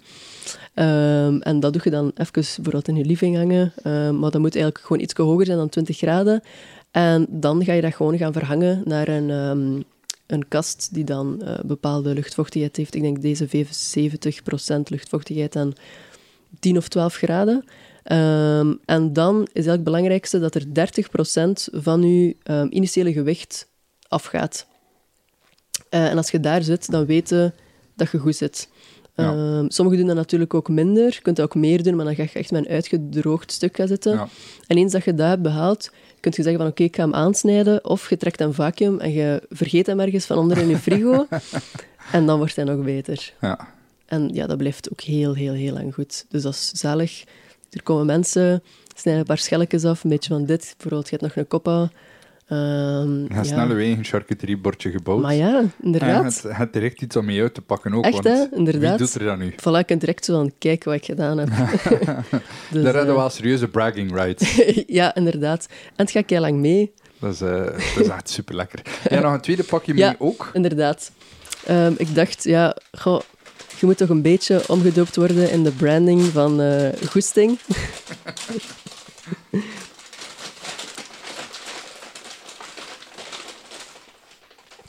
Tam, tam, tam. voilà. Ook even lachen. Een, een, een mutsen aan een klakken. Ja, voor als de winter toch nog komt. Ja, de winter, eh, het was toch wel, eh, toch wel fris hier. Soms Ja, inderdaad. Maar misschien En, komt het eh, nog eens terug en dan kunnen die muts opzetten. Maar zeg maar zeker dat die muts van, van toepassing komt hier.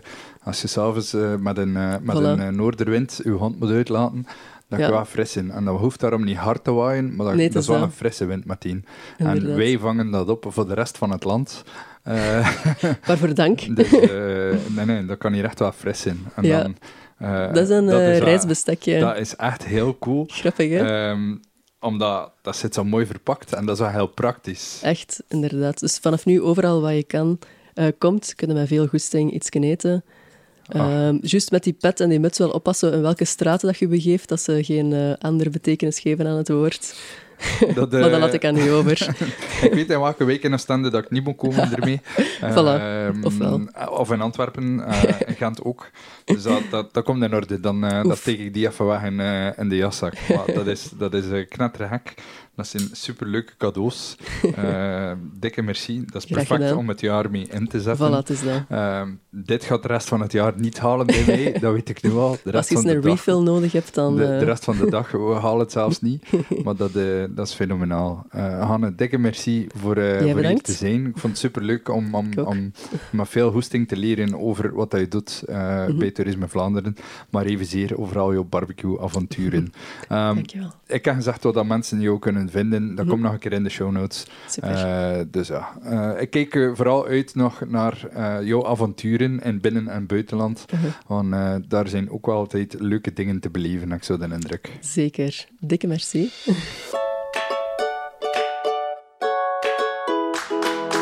Bedankt om te luisteren naar Overeten. Vond je het een leuke aflevering? Deel deze podcast dan zeker met andere foodies. Tag me gerust op Facebook of Instagram via @overetenpodcast. Honger naar meer? Dat is mijn maandelijkse nieuwsbrief vol eet, drink en luisterplezier. Schrijf je in via de website, dat is www.overetenpodcast.be. Bedankt en hopelijk tot binnenkort.